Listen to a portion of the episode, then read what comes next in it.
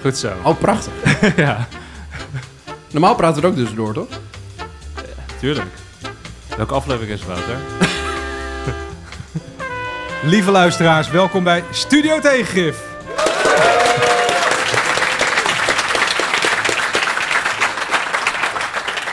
Nou, jongens, ik heb dit heel lang eh, tegengehouden, is een groot woord. Maar ik heb, hier, ik heb dit wel heel lang uitgesteld omdat ik dit doodeng vind. Maar nu we hier zitten, ehm, is het toch wel leuk. En jij zei altijd, als ik eh, live voor mensen zit, dan kan ik het niet meer. dus Nee, we gaan, Dat geldt op gaan meerdere zien wat er gebeurt eh, vanavond. Ja, eh, eh, Wouter, zo, hoe zit jij erbij? Aflevering 100. Ja, lekker. Ik ben eh, best wel trots eigenlijk. Ja, ik vind het mooi. Eh, en ik, zit, ik ben vooral verbaasd eh, dat hier zo ontzettend veel mensen bij wilden zijn. Want wij dachten er komen vijf of tien mensen. Eh, en toen op een gegeven moment toen hadden wij in onze WhatsApp-groep het erover dat het een soort Project X net als een haren zou kunnen gaan worden. Omdat opeens ontzettend veel mensen zich aan het aanmelden waren. Eh, en dat, ja, dat heeft me onwijs verbaasd. Ik vind het superleuk om mensen te zien die normaal alleen naar ons luisteren. Dat, dat is echt... eh, ja, ik, ik ben, ik, je hebt dingen die je heel leuk vindt. En dit is wel een van de leukere dingen in mijn leven. Heel erg mooi, heel erg mooi. Ja.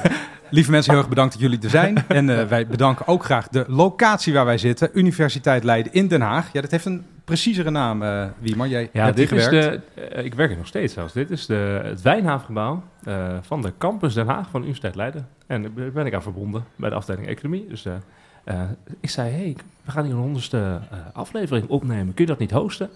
En toen zeiden ze tot mijn schrik nog ja ook. Maar betekent ook dat we dus inderdaad catering hebben. En ik zie ook een paar studenten van vroeger hier zitten. Dus dat vind ik ook wel heel erg leug.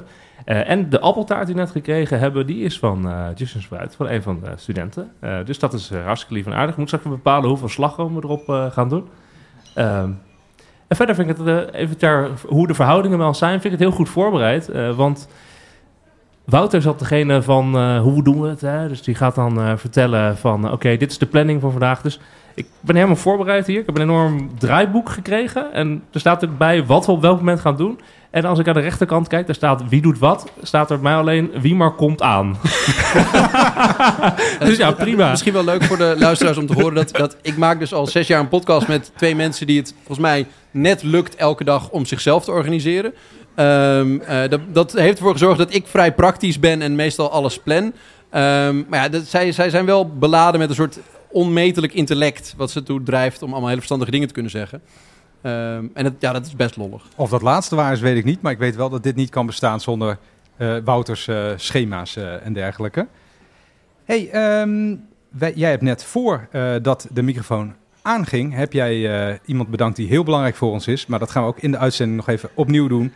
Wim Brons van Remote Podcast. Sinds Wim hierbij betrokken is, is de geluidskwaliteit superieur. En daarvoor was hij onacceptabel. Dus het is heel bijzonder eigenlijk dat we dat zo lang eh, eh, hebben volgehouden met eh, krakende microfoons en weet ik veel wat.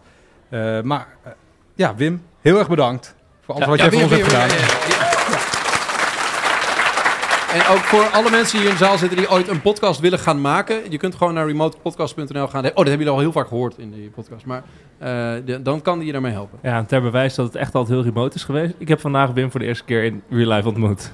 Ja, die man is veel groter dan ik dacht. Ja, dat is Ja, het ongelooflijk. is echt zo'n Fries van twee meter. Ja, klopt. Ja, klopt. een nazaat van Grutte Pier eh, misschien wel. hè? Ja, precies. hey, eh, wij hebben om... Nou, dat is eigenlijk een illustratie van hoe abominabel het in het eh, begin was. We hebben even een eh, fragmentje uit eh, de oertijd. Kijk of Wim die dan kan opzetten. Welkom bij Studio Tegengif, de politieke podcast. Met Wiemar, zeg eens even hoi. Hoi, goedenavond. Met Wouter. Hallo, hallo Wil. En met Randy, dat ben ik zelf. Eh, een podcast waarin we de waanzin in het publieke debat bespreken. Uh, Wiemar, wat is hier eigenlijk de bedoeling van? De bedoeling is heel simpel. We hebben door de week allerlei grote frustraties over dingen die we in de krant lezen, die we op eh, tv zien, die we op eh, social media zien. En waar we heel zagrijnig over, want er is veel te veel publieke waanzin. En wij denken, we gaan het therapeutisch van elkaar van, van ons afpraten. Dus daar beginnen we vanavond mee. Dit was dus echt de allereerste aflevering van Studio Tegen. Ik ga, ik ga heel bij de hand vragen stellen. Mag ik u iets vragen? Sure. He- Heeft u deze ooit geluisterd? Nee. Wie heeft deze wel geluisterd, als ik vraag mag? Ja, ik ga gewoon rennen. Er gaat Ja, toch wel meneer, 20, meneer. 20 handen omhoog Meneer, eh, nu. u heeft, hoeveel afleveringen heeft u geluisterd, als ik vraag mag? Ik denk bijna allemaal. Werkelijk? Hoeveel zijn dat er? Nou, dat zijn er nu, eh, nu 100, want men inclusief 99,5. Dat zijn er 100, Wouter. Ja. Dit- dit is- Goeie vraag. Ik ga, ik ga gewoon aan de, de buurman vragen. Hoe- Hoeveel afleveringen heeft u geluisterd, me? Nou ja, ik denk ook wel 100 eigenlijk, als ik deze meetel. Ja, ik denk het wel. Wie, wie zou hier zeggen dat hij 100 afleveringen van Studio Tegen heeft geluisterd? Jemig, wat. Dat is echt, die mensen hebben dan ongeveer 120 uur naar ons geluisterd. Dat is, ik vind het best indrukwekkend. Dank u wel daarvoor. Ik ga nog één vraag stellen aan de buurman daarnaast. Ehm, hoe bent u ooit bij Studio Tegen gekomen?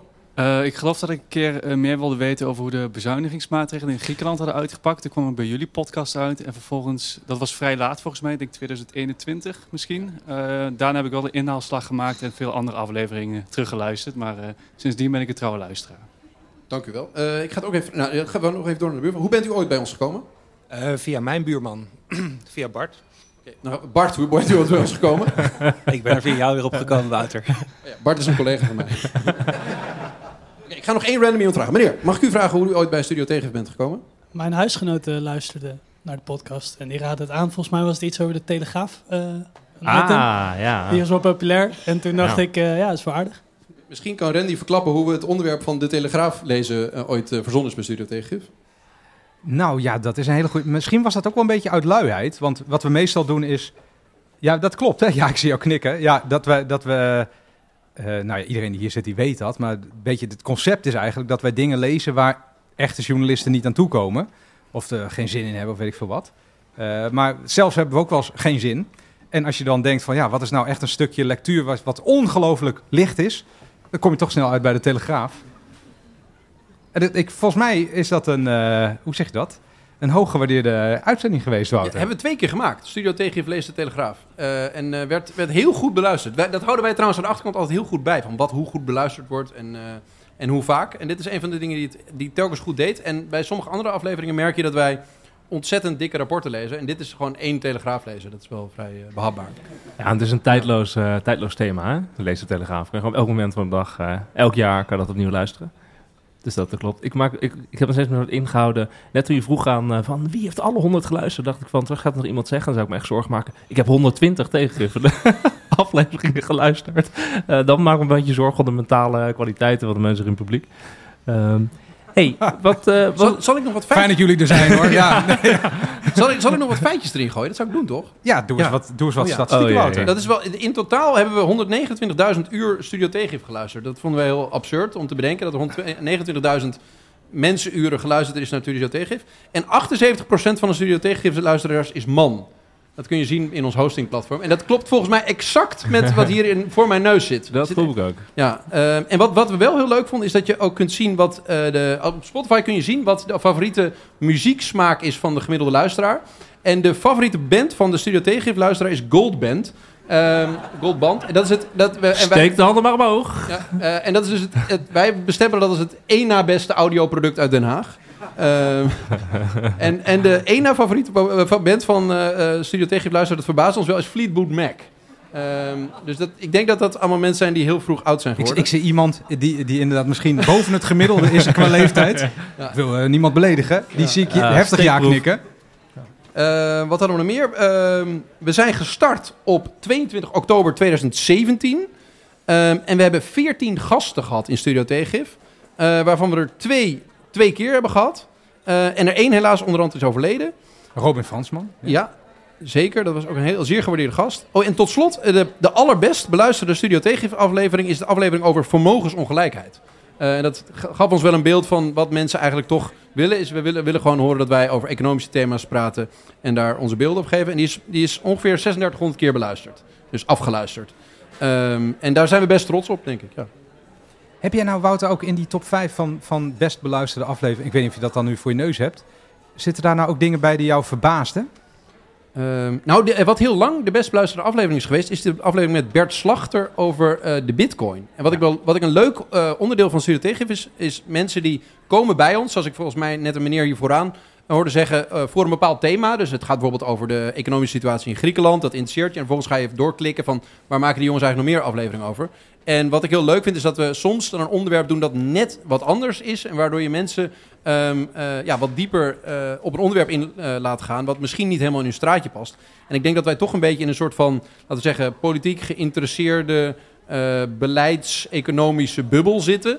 Ehm, en toen hadden we Bert Slachter, die, die heel diep op, op cryptocurrency en de bitcoin inging. Echt op een genuanceerde manier en niet in de zin van het is allemaal halleluja, het is allemaal vreselijk.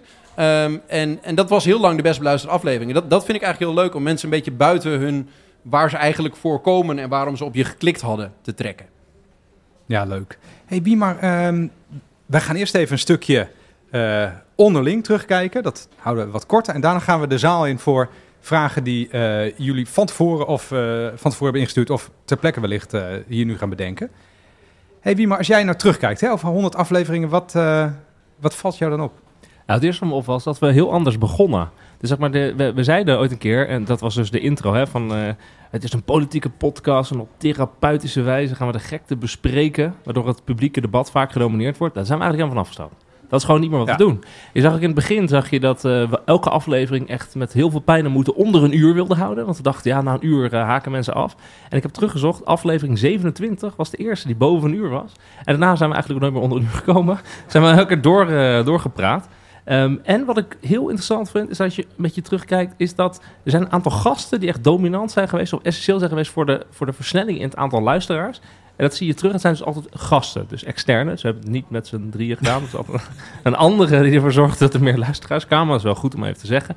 Ehm, de eerste, die heel belangrijk was, was inderdaad Robin Fransman. Dat was een superleuk gesprek. Eh, dat duurde dus één uur. Consuminderen. Over consuminderen en een verzorgingsstaat voor het bedrijfsleven. Dat was het onderwerp. Ik weet nog wel dat we van tevoren toen even met hem zitten, eh, zitten eten bij, mij om de hoek. Toen hebben we eh, meer dan anderhalf uur een gesprek gevoerd. Het was een heel eh, interessant gesprek. Als je terugluistert was vooral Robin was aan het praten, wij waren aan het luisteren. Ja, Maar het was, het was een heel leuk gesprek. Ja, meneer. Ja, meneer. Ja. Het was een fantastisch gesprek. En sindsdien zijn de, zijn de cijfers echt onwijs omhoog gegaan. Maar het was echt een, echt een leuk, leuk gesprek. En daarna, van 47 dus naar 49, hadden we Cody Hoogsenbach Oh ja. in de aflevering voor de eerste keer. Nu Ja. een bekende stadsgeograaf, zoals hij zelf noemt. Is ook nog een keer teruggekomen voor de tweede Hij keer. noemt zichzelf een bekende stadsgeograaf. Nee, nee, nee. nee, nee. Ja, hij doet zichzelf een stadsgeograaf, maar hij is, hij is bekend geworden. Laat het zo zeggen. Ja, Eh, wij en- waren een opstapje. ja, en er was een moment dat jij nog heel erg eh, met woningmarkt bezig was. Ik trouwens ook. En, en we vonden Cody heel, heel leuk en die, die is toen langsgekomen. Volgens mij zo, het was zo hardlopend van het strand kwam hij toen langs. En Ja, toen, klopt. hij- toen heeft hij de opname bij ons gedaan. Hij vond het leuk om ja, naar Den Haag te komen en dan te gaan hardlopen naar ons huis. De opname te doen en dan weer door te rennen over het strand of zo. Dat, maar het was superleuk. Eh dus ja, en daarna hebben we weer een push gekregen toen Bernard Ter Haar kwam praten. Aflevering 71, misschien jullie wel bekend. Dat was de aflevering in coronatijd. Dat we anderhalf meter van elkaar eh, op een hele lange tafel bij mij thuis zaten. En dat we een fantastisch gesprek hadden. eh, die, die echt goed beluisterd ging over de competentie van de Nederlandse overheid. Waar net een kritisch stukje over Hij had had zo'n blog geschreven. geschreven, toch? Hij had een blog geschreven. Eh, en de, eh, wat dus mooi was, is dat eh, dat kreeg nog best wel wat tractie. Want hij werd daarna uitgenodigd. Er kwam op de correspondent een eh, verhaaltje waarin de podcast werd genoemd. En hij werd uitgenodigd voor allemaal dingen. En jij was super zagrijnig, ik ben nog heel goed. Want jouw microfoon was slecht. Nee, we hadden toen we hadden vier microfoons. En Ja. eentje was een goedkope microfoon. Ja. Dat was die van mij, omdat ik Ja, we, hadden, we hadden dus voor ons drieën goede mi- microfoons, maar niet voor de vierde. Nooit voor de, voor de vierde die erbij kwam. Dus er was altijd één microfoon, dat had gewoon een rukgeluid. En dat was jij. Het was net alsof je in een soort spaceship stond. Dat was heel raar om te, om te bedenken. Eh, maar dat was een hele goede aflevering. En daarna inderdaad 73 Bert Slachter met de bitcoin. En dat was echt eh, bijna twee uur. Hebben we doorgepraat. Was ook fantastisch. En die hebben er eigenlijk voor gezorgd dat we wat meer luisteraars hebben gekregen. Dus dat is toch, ja, dat vind ik een interessante ontwikkeling. Plus dat we dus niet meer gewoon de waan van de dag of de publieke debat eh, waanzin bespreken, maar dat we een thema uitkiezen. Dat is steeds meer gebeurd. Dus inderdaad de Telegraaf of de woningmarkt of vermogensongelijkheid. Of, en dat is echt wel nieuw. Maar de- wat, wat is dit voor podcast eigenlijk dan? Ja, dat is een goede vraag. Ehm, hij is niet maar alleen politiek. Hij is zeg maar ook, denk ik, dat we economische onderwerpen pakken of bestuurskundig. En dat we echt proberen een onderwerp te begrijpen, te analyseren. Ook gewoon inderdaad eh, echt stukken lezen, zo'n voorjaarsnota of zo. Dus niemand die dat ding echt een keer gaat lezen. En wij ook niet allemaal helemaal, hè, maar toch doen we dat. En dan vervolgens gaan we er een heel verhaal eh, van vertellen. En dan kan je een uur lang eh, iets horen over de voorjaarsnota. Ja, er zijn een beperkt groep mensen die dat leuk vinden en die zitten hier. Dat is een niche van een Ja. niche. Dus iedereen in Nederland die dat überhaupt leuk vindt, die is hier nu. Ja, precies. ik. Dat is Ja. een niche van een niche van een niche van een niche. dat klopt. Ja, dat is wat het nu geworden is, denk ik. En dit- ja, zoiets is er niet zoveel, denk ik, qua podcast. Wouter, wat, eh, wat, wat valt jou op als je terugkijkt? Nou, ik, wat, wat ik het leukste vind, is dat er dus een publiek is voor diepgang. Eh, jij vroeg net, wat voor podcast is het nou? Eigenlijk, voor mij is het gewoon een podcast over mensen die willen snappen hoe de overheid en eh, onze publieke sector werken. En ik, ik, heb, ja, weet ik, ik ben ook al zo'n twintig jaar bezig om dat een beetje te begrijpen. En ik heb deze podcast als een soort vehikel aangegrepen om eh, ja, daar allemaal lastige vragen over te stellen. En twee, gelukkig twee vrienden ontmoet die het leuk vinden om met mij die lastige vragen te stellen. Dus het eh, en ik vind het ook heel leuk dat er dus een publiek is voor mensen die diepgang zoekt en wil snappen hoe de publieke sector daadwerkelijk werkt. Voorbij ehm, incidenten of eh, relletjes of personen. En dat maakt mij ontzettend gelukkig. Dat er heel, meer van dat soort mensen zijn die die afwijking hebben die ik heb. Want de meeste mensen vinden dat helemaal niet interessant. Ehm, eh, dus ik heb ook heel veel- Mijn vrouw bijvoorbeeld luistert nooit. Dit gaat ze niet leuk vinden dat ik dit noem. Ehm, maar eh, de- ik, de- ik word ontzettend. Ik vind het heel bijzonder dat er mensen zijn die daarnaar willen luisteren. En dat, eh, ja, dat is ook echt iets waar ik ja, heel gelukkig van word. Van al die saaie dingen over. Ik heb het een beetje teruggezocht. Prinsjesdag, de Rijksbegroting, de voorjaarsnota, CPB-rapporten, het belastingstelsel, gemeenteraadsverkiezingen, het merk VVD, de woningmarkt, brede maatschappelijke heroverweging. Dat zijn allemaal thema's. Als ik dat op kerst tegen mijn familie zeg, dan willen ze niet meer met me praten. En Zal ik, jullie zal ik, wel. Zal ik een verhaal vertellen wat mijn vriendin heeft? Dus, eh, ze was er net trouwens, mij is ze nu hier. weg. Nee, ze is net... Maar dus kan nu gewoon, met dit, niemand hoort het later weer, dus kan ik gewoon zeggen wat ik wil. Mijn vriendin heeft dus eh, heel lang niet de, de aflevering geluisterd. Toen ze zwanger werd wel, want ze had niks te doen. Toen zei ze, is eigenlijk best leuk, best leuk. Ging ze dus ons constructieve feedback geven op de podcast. Eh, en daarna is ze ook weer, eh, weer gestopt. Dus dat was, ik wist dat, oké, er wordt nog een vrouw geluisterd. En een vriend van mij, vind ik altijd grappig, zegt altijd... Ik vind het zo raar, ik luister jullie podcast niet, maar mijn vriendin luistert wel naar jullie podcast, dus die hoort de hele tijd jou en die valt er dan mee in slaap. nou, vind ik ook wel mooi dat je die functie ook gewoon hebt. Ja, Ja, dat, Sorry, is, dat klinkt heel. Ja, dat klinkt, dat, eh, dat, eh, d- dat klinkt heel. wat vind jij dan mooi, Randy? Huh? Je vraagt het ons nu. Ja, ik, ja, ik, ehm, waarom doe jij dit in godesnaam? Volgens mij goede vraag. Ja, maar dat heb ik mezelf ook afgevraagd. En ik kom eh, dus uit Groningen. Inmiddels woon ik dus in Groningen. Dus dan kan je heel lang over dat soort dingen nadenken. In Groningen kun je heel lang nadenken. Ja, Je hebt drie uur in de trein gezeten hier. Daar is de lucht ook schoner. Hè? Dus dan gaan je hersenen beter, beter werken en zo. Eh, ja, volgens mij is dit iets wat niet kan bestaan in normale journalistiek. Want het is, eh, als je jezelf zou moeten betalen voor het lezen van eh, belachelijk eh, dikke overheidsrapporten en weet ik veel wat allemaal. Dat kan nooit uit. Dan kost één stukje in de krant kost, eh, kost 2000 euro. Dus dat is, of ik heb 10.000 euro, weet ik veel. Dat kan, niet, eh, dat kan niet bestaan. Maar als je het als hobby doet, dan kan het, dan kan het bestaan. En volgens mij zit er ook een soort rode draad in. Dan vroeg ik aan jou van wat is het nou eigenlijk voor podcast? Waarom bestaat dit überhaupt? Eh, volgens mij gaat het dan door al die onderwerpen heen die jij net noemt, gaat het dan over de vraag waarom produceert ons politieke systeem en ons overheidssysteem, waarom produceert het geen goede oplossingen meer? Eh, en dat is een soort vraagstuk wat, wat nu heel erg, eh, niet door ons hoor, maar wat nu heel erg duidelijk is geworden in Nederland. Omdat eigenlijk ieder terrein wat je willekeurig zou kunnen noemen, dat lijkt vastgelopen op een soort uitzichtloze manier. We komen er niet meer uit. Maar hoe kan dat dan en wat zou je dan, wat zou je dan kunnen doen? En wat me opvalt is, daar maken we ook nooit, nooit een geheim van. We zitten allemaal een beetje aan de, hè, aan de linkerkant eh, eh, van het politieke spectrum. Maar wij vinden het ook wel leuk om, da- om dat dan extra te kraken. Dus eh, we hebben dan, eh, dat zijn ook weer de slechtst beluisterde afleveringen als we het daarover gaan hebben. Dus dat ja, dat is wel leuk om te doen. Ja, dat Ja. zie je ook sowieso, dat echt een aantal onderwerpen Niemand boeit zo dat. impopulair. Ja, de P van de A, moet je echt niet over lullen. Boeit mensen geen zak. nee, Een aflevering over het pensioenstelsel. Ja. Man, man, dan daar luistert niemand naar. Dat zien we toch? Ja. Zo. Nou, er zit, ja, er zit hele grote verschillen in. Maar jij zegt, wij vinden luisteraantallen heel belangrijk. Maar dat, eigenlijk is dat ehm ook Nou, dat weer was aan het begin zo. Aan het Ja. begin altijd zo dat jullie dat hadden Ja, op ja. zondagavond live Ja. gezet. En dan maandagochtend gingen jullie mij appen. Wouter, Wouter, hoe zit het met luistercijfers? Ja, oké. ja, ja, maar dat, dat, uiteindelijk is het toch, hoe zeg je dat? Een soort gretigheid om die onderwerpen dan te kunnen bespreken die, eh, eh, Maar die we- toch weet, je, domineert. weet je wat wel echt veranderd is? Dat zeg maar, in het begin deden we dus politieke analyses. En we deden boekbesprekingen. Zeg maar, hè? Dus we hebben Ja. van Janus Varoufakis, ik zit om te knikken. Janus Varoufakis hebben ze een boek ge- geanalyseerd of besproken. En van Jeroen, Dijsselbloem. Dijsselbloem natuurlijk. eh, ja, dat was een soort tweeluik. Hè? een soort die, tweeluik, eh, ja. zijn ook water dat, en hebben we daarna eigenlijk niet meer gedaan. Dus daarna zijn we de Telegraaf gaan lezen, maar we hebben geen boek meer gedaan. Dan krijgen we En- drukker, meer ja, kinderen, kun je geen Nee, boeken meer lezen. Eh, dus we doen geen boekbesprekingen meer. En ook van, het is niet meer altijd alleen maar politieke analyses. Dus we doen ook een economische analyses of een eh, bestuurlijke of een maatschappelijk. Dat is echt wel een groot verschil. Dus we zijn ook een beetje wat meer zelf gaan nadenken, eh, denk ik eigenlijk. Of in ieder geval zelfstandig gaan Ja, analyseren. je geeft er nu een hele goede spin aan. Maar we Ja, ik hebben gewoon weer echt minder tijd om die boeken dan Ja. te lezen. Ja. Wat is jouw lievelingsaflevering eh, eigenlijk?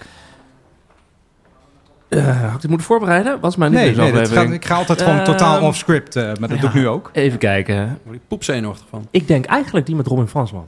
Ja? Ja, ik vond het eigenlijk wel een fantastische aflevering. Dat is wel het moment dat ik dacht, hé, hey, wat grappig. Wat, wat ik er mooi aan vond, is dat wij dachten nooit dat als je eh, bekende mensen uitnodigt die een verhaal hebben, Dat ze dat die dan kwamen. Oh ja, ja. Maar die komen dan ook gewoon. Hè? Dus eh, iedereen die je benadert, komt eigenlijk langs. Ik weet dat we eerst dat we het met Robin hadden. Van, ja, die gaat toch niet komen? Nee, die komt wel. Cody? Ja, nou ja die is nog jong, dus die komt er wel. Hè? Eh, en dan vervolgens Bernard de Haar. Bernard de Haar, topambtenaar. Waarom zou die in de podcast komen? Heb je altijd een beetje tegenop gekeken? Zeker. En dan- ja, eh, Bleek en ook wel terecht. werd, ja, bleek wel terecht. Dus sowieso dat er mensen zijn die eh, zeg maar wat meer in het leven hebben bereikt dan wij. Dat die gewoon even komen en denken... Ja, kom wel langs hoor. Ik hoef er niks voor. Ik vind het gewoon leuk. Ga ik twee met jullie praten. Dat vind ik wel fantastisch. Ja, ja. En jij, Wouter? Leukste... eh, nee, nou, eh, ik denk dat... Wat ik een hele bijzondere vond was met, met eh Sven Ringelberg. Eh, en Ah, toen, ja. wij dachten, wij willen ook... wij- wij- wat jullie misschien gemerkt hebben, is dat we niet ontzettend vaak afleveringen over duurzaamheid maken. Omdat het een onwijs complex onderwerp is en wij daar gewoon Wij niet snappen dat niet. echte experts Nee, in zijn. nee. En we zijn heel voorzichtig om over iets te spreken waar we eh, niet, laten we zeggen, iets meer dan de gemiddelde Nederlander van begrijpen. Ehm, en eh, dat, die heeft een boek geschreven over de, de gastransitie, maar dan niet de gastransitie van hoe we nu van het gas afgaan, maar hoe we ooit in de jaren 60 en begin jaren 70 aan het gas zijn gegaan. En dat leek ons een ontzettend mooi onderwerp, omdat het boek gaat over hoe je dus een grote maatschappelijke transitie doet. En ehm, Sven is ook nog eens voorzitter van de eh, VVD-afdeling Schiedam aan mijn hoofd. En dat was zo'n ontzettend boeiend gesprek. En een eh, mooi boek had hij daarover geschreven. En dat was ook een jongen die heel erg, eh, laten we zeggen, onbaatzuchtig gepassioneerd was. Een beetje wat wij ook zijn. Dus dat, ook als wij niet betaald worden om het over dit soort onderwerpen hebben, dan doen wij dit. Als ik een maand vrij ben, ga ik ook boeken als dat lezen. En die jongen was zo gepassioneerd over eh, maatschappelijke transities in de energiesector. Eh, en dat, ja, dat is hoe ik mijn tijd eigenlijk heel graag besteed. Om te praten met dat soort mensen. Ja, leuk. Ja, En jij ik- dan? Ik, Ja, vond zelf die van eh, eh, dat, dat tweeluik, wat net ter sprake kwam van, eh eh, dat- van Jeroen. Varoufakis en Dijsselbloem. Ik Dat denk was- dat Jeroen ook geluisterd heeft, durf te wedden. Jeroen heeft die zeker heeft- geluisterd. ja, Jeroen luistert naar de een podcast. Je hebt appjes gestuurd. Oh ja, die ging toen app. Die ging Dit klopt niet. Jeroen, klopt wel. ons appjes sturen Ja. dat we de verkeerde dingen in de podcast zeiden. dat is leuk. Over, ik weet nog eens over stalbranden. Stalbranden. Randy ja. had wat gezegd. Toen zei hij... Ja, nou, misschien moet het niet... eh nou, hij, hij corrigeerde ons gewoon dat er een, eh, een rapport was van de Onderzoeksraad voor de Veiligheid... die echt anders had Het geconcludeerd. ging over de hoeveelheid stalbranden Ja, in en dan kan je dus zeggen van... Oké, wat, een, wat, een, eh, wat een micromanagement. Maar ik vind het ook wel echt klasse... dat gewoon iemand die voorzitter is van een club... en zijn club heeft een rapport geschreven... en er staat echt wat anders in... dat hij dan gewoon even meldt aan drie jongens in de podcast. Vind ik ook wel mooi. Ja, dat Ja. is leuk. Hey, Dat is leuk. wanneer in het eh, draaiboek staat dat we eh slagroom op de taart gaan doen en dat we champagne gaan drinken? Eh, oh, dat is nu en dat ga jij doen. Dat is echt heel mooi. Nee, die, dat, is, dat is echt subliem. Eh, Jij gaat nu wat doen? Ja, nee, dat staat Ja, inderdaad gaat- niet in het draaiboek. Nee, maar doe ga, doe. Ja, lekker, eh. Ja. doe lekker je ding. Hm. hey, ehm, wij, wij, gaan, wij doen nog één rondje onderling en dan gaan we zo eh, de zaal in. Dus eh, bedenk ook alvast even wat, eh, wat leuks, zou ik denken. Wouter, als je terugkijkt, wat vind je nou echt ehm, de moeite waard aan dit, eh, aan dit gebeuren?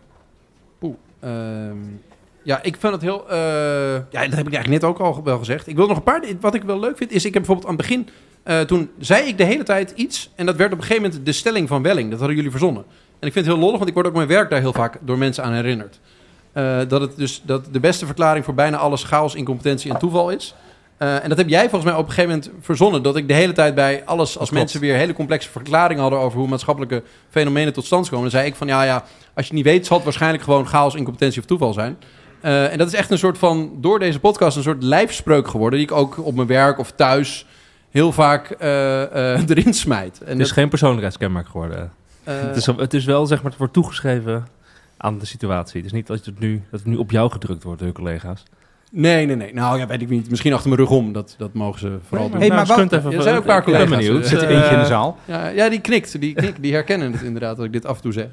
hey, Eh, maar ehm, jij bent niet de enige, hè? Die, die steeds... Ik heb, ik, heb, ik heb niet alles teruggeluisterd. Dat is op een gegeven moment ook niet meer, niet meer te doen. Maar ik heb echt behoorlijk eh, teruggeluisterd om dit een beetje goed voor te kunnen bereiden. Maar eh Wiemar, die heeft ook eh, een stelling. Twee. Zelfs die die, die, die er wel tien keer heeft Wat ingegooid. Wiemar ook heel vaak zegt, kijk mensen zoals Wiemar zegt, dat is echt fascinerend. Echt fascinerend.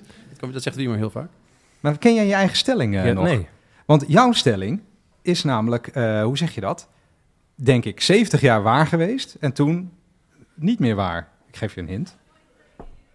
Jij zei namelijk altijd, een minister van Financiën in Nederland hoeft alleen maar te ademen Oh ja. om populair te zijn. Ja. Ja, we, hebben- we hebben het over dingen van eh, wat heb je geleerd van de podcast en wat zou je nu anders doen? dat zijn dat soort, dat zijn wel andere, dat zijn dingen die ik wel anders zou hebben. Wat schaam je je daarvoor? Nee, Wat, nee, eh, nee, nee, maar gewoon, nee, nee, helemaal niet. Gaan we niet voor. Maar gewoon dat je denkt van, hmm, wat zijn dingen die je in het begin beweerde waarvan je Oh, nu denkt, zo, nou, daar ja, ben ik het ja. niet meer mee eens. Nou, dat is wel, dat is, dat is er eentje. Nou ja, nee, ja, ik, Omdat het onderhand ontkracht is. ik gebruik het. Nou ja, gewoon het is niet meer, niet meer waar, toch? Nee, het is zeker niet meer waar. Nee. Nee, nee. Waarom is het niet meer waar? Eh, ja, ja, blijkbaar moet je meer doen dan ademen. Eh, ja. dus, eh, en, en lukt dat nu niet met deze huidige minister van Financiën? Ik denk wel dat met die fondsen die er nu zijn. eh, Ja. je hebt Oh, we gaan dat- inhouden. Ja, nee, maar Ja. even één heel klein stukje inhoud, sorry. Oké. Dat, dat, dat maakt het verschil. Dus vroeger was, was het altijd, als iemand met het idee kwam om een fonds te maken, waar we dan geld in stopten en dan gingen we dan uitgeven aan iets, Mhm. dan werd, dan werd het altijd door de minister van Financiën geroepen, geen fondsen. Wat er ook doen, geen fondsen, want het moet gewoon in de begroting, de Tweede Kamer moet dat controleren en dan eh, integrale besluitvorming en goed, goed kijken waar dat, waar dat geld heen gaat. En nu plempen we 30 miljard in een... Nee, dat is waar. Dus dat is waar. Dus minister van Financiën die zuinig zijn, of in ieder geval zuinig overkomen, die zijn heel populair. Dus misschien moet je inderdaad niet alleen ademen, je moet ook heel vaak nee kunnen zeggen, zeg maar. Dat, dat is belangrijk. Dus nou ja, misschien is het nu wel zo dat minister Kaag door eh, dat er nu bezuinigd moet worden omdat de rentelasten oplopen, dat ze, dat ze nu heel populair wordt ze gaat worden. Dat kan, dat kan zomaar. En dat kan de komende jaren dat is heel populair En wordt. jij, en jij, hebt Dat nog een, jij hebt nog een tweede stelling. Ja. En die, eh, heb je, die, de- hij is al van wat langer geleden, maar toen gebruikte hij hem iedere week. Je zei de ijzeren wet van beleidsbehoud. Weet je dat, weet je dat nog? Nee. Jij, eh, jij, daar ging het over iets. En dan hadden we het altijd over de vraag: hoe kan het dat beleid, wat zo ongelooflijk eh, evident niet werkt, slecht is, dat dat, eh, dat dat blijft bestaan? En jij gooide dan altijd deze eh, stelling van eh, Bolhuis erin, de ijzeren wet van beleidsbehoud. Dat beleid Ja. wordt pas veranderd wanneer de gevolgen zo catastrofaal zijn. Dat eh, niets Ik anders begin me mogelijk te is. herinneren. Kijk, want waar, waarom ik dat zeg, is dat je dus ziet in de ambtenarij dat op het moment dat de kritiek komt op beleid van de oppositie of journalisten van de maatschappij, dat eerst het vaak zo is dat er heel veel ambtelijk kapitaal gaat zitten in het verdedigen van het huidige beleid. Dus dan wordt er gezegd, ja, maar dit is, het huidige beleid moet nog eh, aan eh, kracht gaan winnen. We zien nog niet de effecten. Misschien moet het huidige beleid een beetje bijsturen. Heb nou even geduld. Het ligt aan de situatie. Er komen allemaal feiten die dan het tegendeel moeten bewijzen. En dat gaat dan heel lang door. Op allemaal antwoorden op kamervragen en in debatten. En dat duurt dan heel lang, totdat je het niet meer kan ontkennen. En dan ineens is er wel ruimte om beleid eh, te veranderen. Dus dat bedoel ik met de ijzeren wet van beleidsbehoud. Ja, die, hij klopt ook, denk ik. Ja. Ja. Ja, goede Die, die is wel, daar, eh, die klopt. Ik heb nog één... Jij zegt heel veel verstandige en super slimme dingen. Maar ik heb één ding ehm, opgeschreven. Ik luisterde terug. En dat is een uitzending uit eind 2020, geloof ik. Dat heb ik er dan net weer niet Ik weet bijgezet. Maar best wel lang geleden inmiddels. Ehm, en dan hebben we het erover dat eh, in de Nederlandse politiek alles toen in ieder geval wel heel sterk op de, op de Randstad was gericht. En een soort schisma tussen de bestuurlijke elite en eh, het Nederlandse volk. Dat zijn wel een beetje grote woorden. Eh, eh, daar, daar, daar, daar klets ik dan een beetje over. En dan zeg je, ja, weet je, die Caroline van der Plas, eh, dat is nou een partij, eh, die doet dat zo goed. Die gaan een hele grote, hele grote doorbraak maken. En Heb dan- dat gezegd? dat heb jij gezegd. Wat goed. Ja. Ja, dat is Ja. dat. Ja. heb jij natuurlijk geen. Ja. Als Nou, Rutte nog geen actieve herinnering heeft, dan spreek je daar schande van. Maar je hebt geen idee dat je dit hebt gezegd, blijkbaar. Maar dan zeg ik, ja, dat schrijf ik even op een briefje. Mhm. Nou, dat briefje heb, heb ik er weer bij gepakt. Ja, ik denk toch dat je er kijk op hebt. Gelukkig. Ik ben blij mee. Je wordt, je wordt nu eh, helemaal verlegen van Ja, ik word bescheidenheid. verlegen een uniek moment. hey, Wouter, heb je, eh, ehm, ik vroeg dat net ook aan jou, maar heb jij nog iets wat je, wat je nou heel bijzonder is opgevallen? Nee. Eh, nou, dat, eh, dat wat, wat afneemt met die podcast is dat mensen je gaan benaderen over... Dat, eh, ik kreeg aan het begin heel vaak, dat ze hadden hem live gezet... ik kreeg allemaal vrienden die me gingen appen van... wat jullie daar zeggen, dat klopt niet, dat klopt niet. Dat is afgenomen met de tijd of zo. Ik weet niet. Dat, misschien uitstraalde het me niet zoveel interesseert. of zo. Ja, dus nou, jullie ik weet dat niet of je nu... Ja, dat nou, je oncorrigeerbaar bent Ja. op Ja, de onzin ja, die precies. allemaal... Nou, en ik werd aan het begin ook aangevallen op wat jullie dan zeiden. Eh, en dat, eh, dat heb ik ook heel, heel snel... ik weet nog wel het begin dat jij kreeg het appjes. En trouwens, dat mensen nu zijn gestopt met appen, betekent niet dat je nu ineens verstandige dingen zegt. Hè, maar dat ze gewoon gestopt zijn met appen. En dat ze denken, het heeft geen zin om te appen. ja, Maar- dat is- dat is- Ehm, weet je nog in het begin dat Randy nooit contact kreeg, nooit appjes kreeg Oh ja, van klopt. Je luisteraars? zat altijd te klagen van, ja, jullie Ja. krijgen allemaal reacties. Nooit iemand die mij Ja, dus wij kregen, iedereen ging ons appen en Ja. mailen en berichtjes over de, dat, het, eh, dat de En dingen goed waren die, en die niet goed. mails van pagina's lang sturen. Ja, van ik ben daarmee eens of niet mee eens. En Randy had nul contact met, eh, met luisteraars. Maar- En bij onze theorie was dat dat jouw onbenaderbaarheid was. Ja, of afschrikwekkendheid. Dat beetje Ja. er naar kijkt. Ja, ik weet het niet. Dat is ook wel een fenomeen. eh, Dat- nog dat- steeds eigenlijk nooit. Ik heb Nee. nog steeds vrienden die wel eens appen van... wanneer gaat Randy willen een rant houden? Ja, daar ben je wel die gewoon Ran- Randy's rants noemden. Dat als jij erg, als wij dan op zo'n... We zitten altijd op de zolderkamer van Wiemar. Wiemar heeft een soort huis, een heel raar huis met een benedenverdieping... en dan 1, 2, 3, 4 kamers bovenop op elkaar. En we zitten in die bovenste kamer. Die kan het heel heet worden in de zomer. Ehm, Daar heeft het wel mee te maken, denk ik. ja, en dat, er wordt altijd heel heet in die kamer. En dan als we het echt over een soort van beladen onderwerp hebben... wat meestal met economisch volgens Randy idioot beleid te maken heeft... dan kan hij heel erg... dan wordt zijn hoofd rood en dan gaat hij heel erg opgewonden eh, ergens op in. En dat zijn voor mij ook wel een van de mooiste momenten van het maken van zo'n podcast. Nou ja, ik gebruikte net het woord, eh, of je je dan hè, schaamt voor eerdere uitspraak. Niet omdat het zulke rare uitspraken zijn, totaal niet. Maar ik had toen de tijd wel veel, eh, dat als ik dan naar huis fietste, dan dacht ik wel van, oh, Hier ga ik wat, heb gezeik ik nou weer, wat heb ik nou weer gezegd? Ehm nou moet ik zeggen, als ik het nu dus allemaal weer vijf jaar later terugluister, dan denk ik niet van, eh, wat is dit voor onzin allemaal? Ehm, maar ja, toen dacht ik wel eens van, god, ik heb er best wel weer een beetje laten gaan. Eh, maar dan stroomde altijd wel weer bij jou de appjes binnen, dat dat dan toch ook wel weer, eh, hoe zeg je dat, een highlight Ja, dat vonden was geweest. mijn vrienden altijd heel erg grappig. En het is wel echt minder geworden. Je bent rustiger geworden, kalmer, ouder, gematigder. Of je durft minder, hoe je naar kijkt. Of, in ieder geval, er is iets veranderd aan jou. Het kan zijn vaderschap of naar Groningen. Of oh, je, moet, je, moet je, je moet je natuurlijk een beetje verantwoordelijk gedragen. Want je moet nog op een, in een Eerste Kamerfractie terechtkomen. Dus misschien dat het ermee te maken heeft. Maar het is wel echt wel rustiger geworden. Ik denk dat mensen die dat enorm missen, jouw Rens. Ja, nou misschien op, als Ja, ik ik zoiets raars tegen je zeg, dan eh, ga, ik. Ja. helemaal, eh, ga, eh, ga ik helemaal uit mijn plaat. Zullen wij, eh, Ja? zullen we even een beetje de zaal eh, ingaan? Of nou, tenminste, We hebben vragen voor. we hebben vragen eh, opgestuurd gekregen. Heel erg bedankt voor iedereen Buiten die dat heeft gedaan. staat daar. Ja, ja maar, maar ik wil ook wat te drinken. Mag dat ook? Ja, zal ik het ook doen? Ik ben Ja. ben even van Als de je dit nou service. ding nou even openmaakt? Ja, is goed. Zal ik, Oh, nou, we gaan ik- even champagne Ja, ga je drinken. dat Top. Ja, ga maar door. Het is ik- eh, zo'n heel raar aspect van hoe dit altijd gaat, dat we dan nu gewoon opeens een fles champagne open gaan maken. Ja, even kijken. Oh ja, nee, dit vond ik wel een leuke vraag van eh, Max van Tongeren. Weet ik eigenlijk niet of Max ook eh, in de zaal eh, Max, zit. zwaaien. Of is dat iemand die... eh, Nee, nou... Max nou, niet? Oh, nou, top. Misschien Ja, bestaat er iemand die Max van Tongeren heet en die heeft in ieder geval ingestuurd. Of niet? Of niet. is er... Nou ja, als je nu zo de zaal kijkt, denk je wel, iedereen is gekomen. Maar net, net deze dan niet. Is er wel eens iets wat jullie in de podcast zeiden wat ten nadele is geweest in je werk? Zo ja, wat dan? Zal ik die beantwoorden? Eh, want ik heb heel vaak de vraag, want ik werk dus bij het ministerie. Ik werk hiernaast trouwens bij het ministerie van Binnenlandse Zaken. Ehm, en ik heb heel vaak mensen ook in mijn omgeving gehad die, die denken dat je dan een soort van apparatchic bent en dat je heel erg gecontroleerd wordt op wat je in je. pri- Oeh. De, voor de luisteraar, er schiet zojuist een kurk hier door de lucht omdat we vieren dat we 100 uitzendingen hebben gemaakt. Dat had ik even niet verwacht. Ehm, maar de vraag je mensen heel vaak van... heb je wel eens gezoe op je werk als je eh, zaken zegt over in zo'n podcast... en als je vrij kritisch bent over overheidsbeleid? Ehm, maar eigenlijk is dat helemaal niet het geval. Ik heb nog nooit eh, echt gedoe ermee gehad. En dat komt... Ik heb één... Sterker nog, je hebt überhaupt een carrière omdat je hier Ja, dat is wel grappig. Ik, wat wel gezegd. leuk is om te melden is... ik werk onder andere voor de staatssecretaris verantwoordelijk voor digitalisering.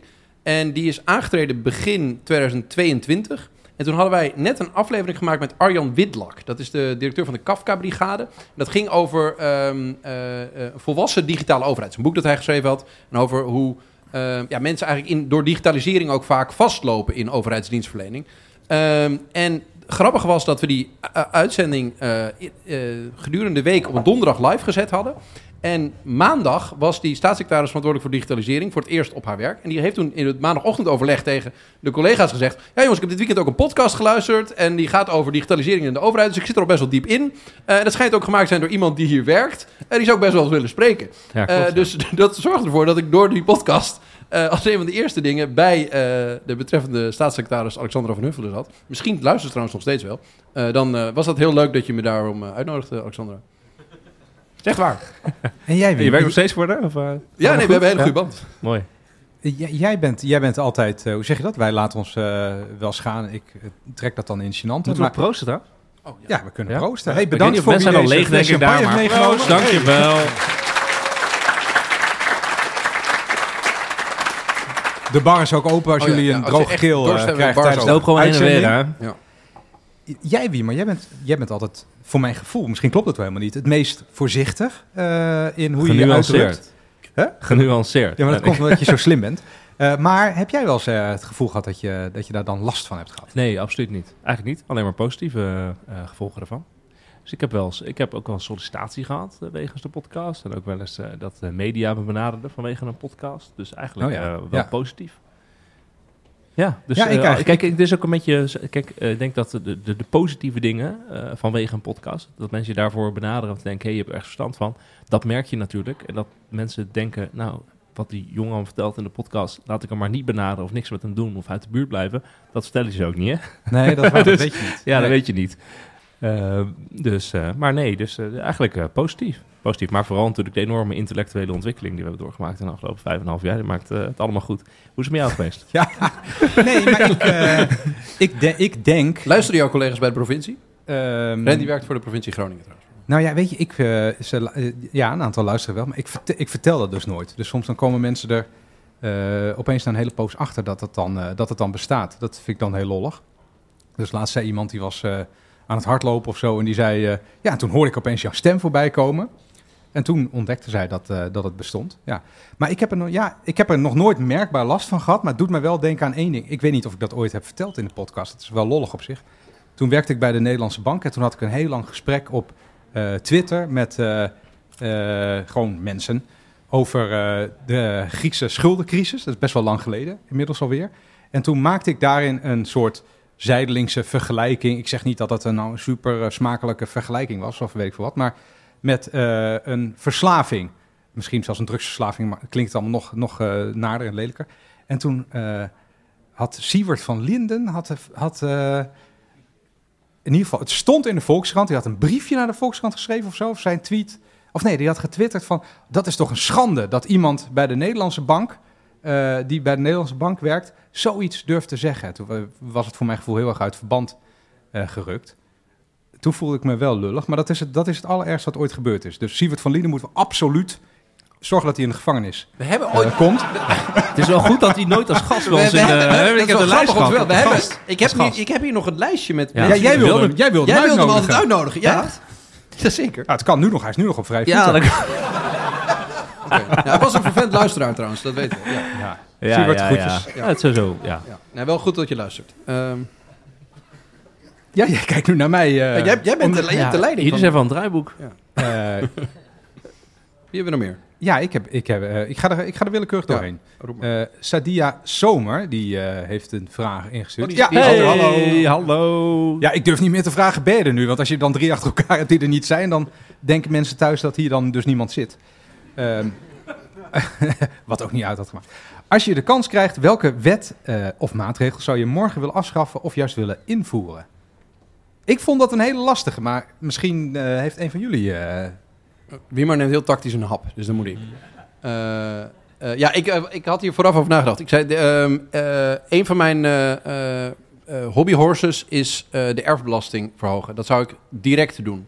Eh, dus ik zou de erfbelasting, die is nu volgens mij nominaal gemiddeld tussen de 11 en 13 procent, eh, direct omhoog doen ten eh faveur van een verlaging van de belasting op arbeid omdat dat in mijn ogen het meest eerlijk is. En ik denk dat je bij iedere beleidsmaatregel je moet afvragen of die uitvoerbaar is en eerlijk is. En een hele, steeds, je kunt ook zien over de la- laatste 40 jaar dat de erfbelasting stap voor stap verlaagd wordt. Ehm, wat altijd gebeurt met het onterechte argument dat eh, dat is al een keer belast. Nee, dat is voor degene die geboren wordt helemaal nog nooit belast. Het is gewoon een, een, een gift ongeveer. Ehm, onverdiend inkomen zou je het ook kunnen noemen. Ehm, en ik denk dat je dus eh, heel goed moet nadenken over hoe je je belastingmix samenstelt. En dat je zo min mogelijk eh, arbeid wil belasten. Want dat is iets wat je wil stimuleren, dat mensen wi- willen werken. Dus ik zou de erfbelasting direct flink verhogen. En de belasting op eh, arbeid naar beneden doen. En de hypotheekrente afschaffen, schaffen per direct.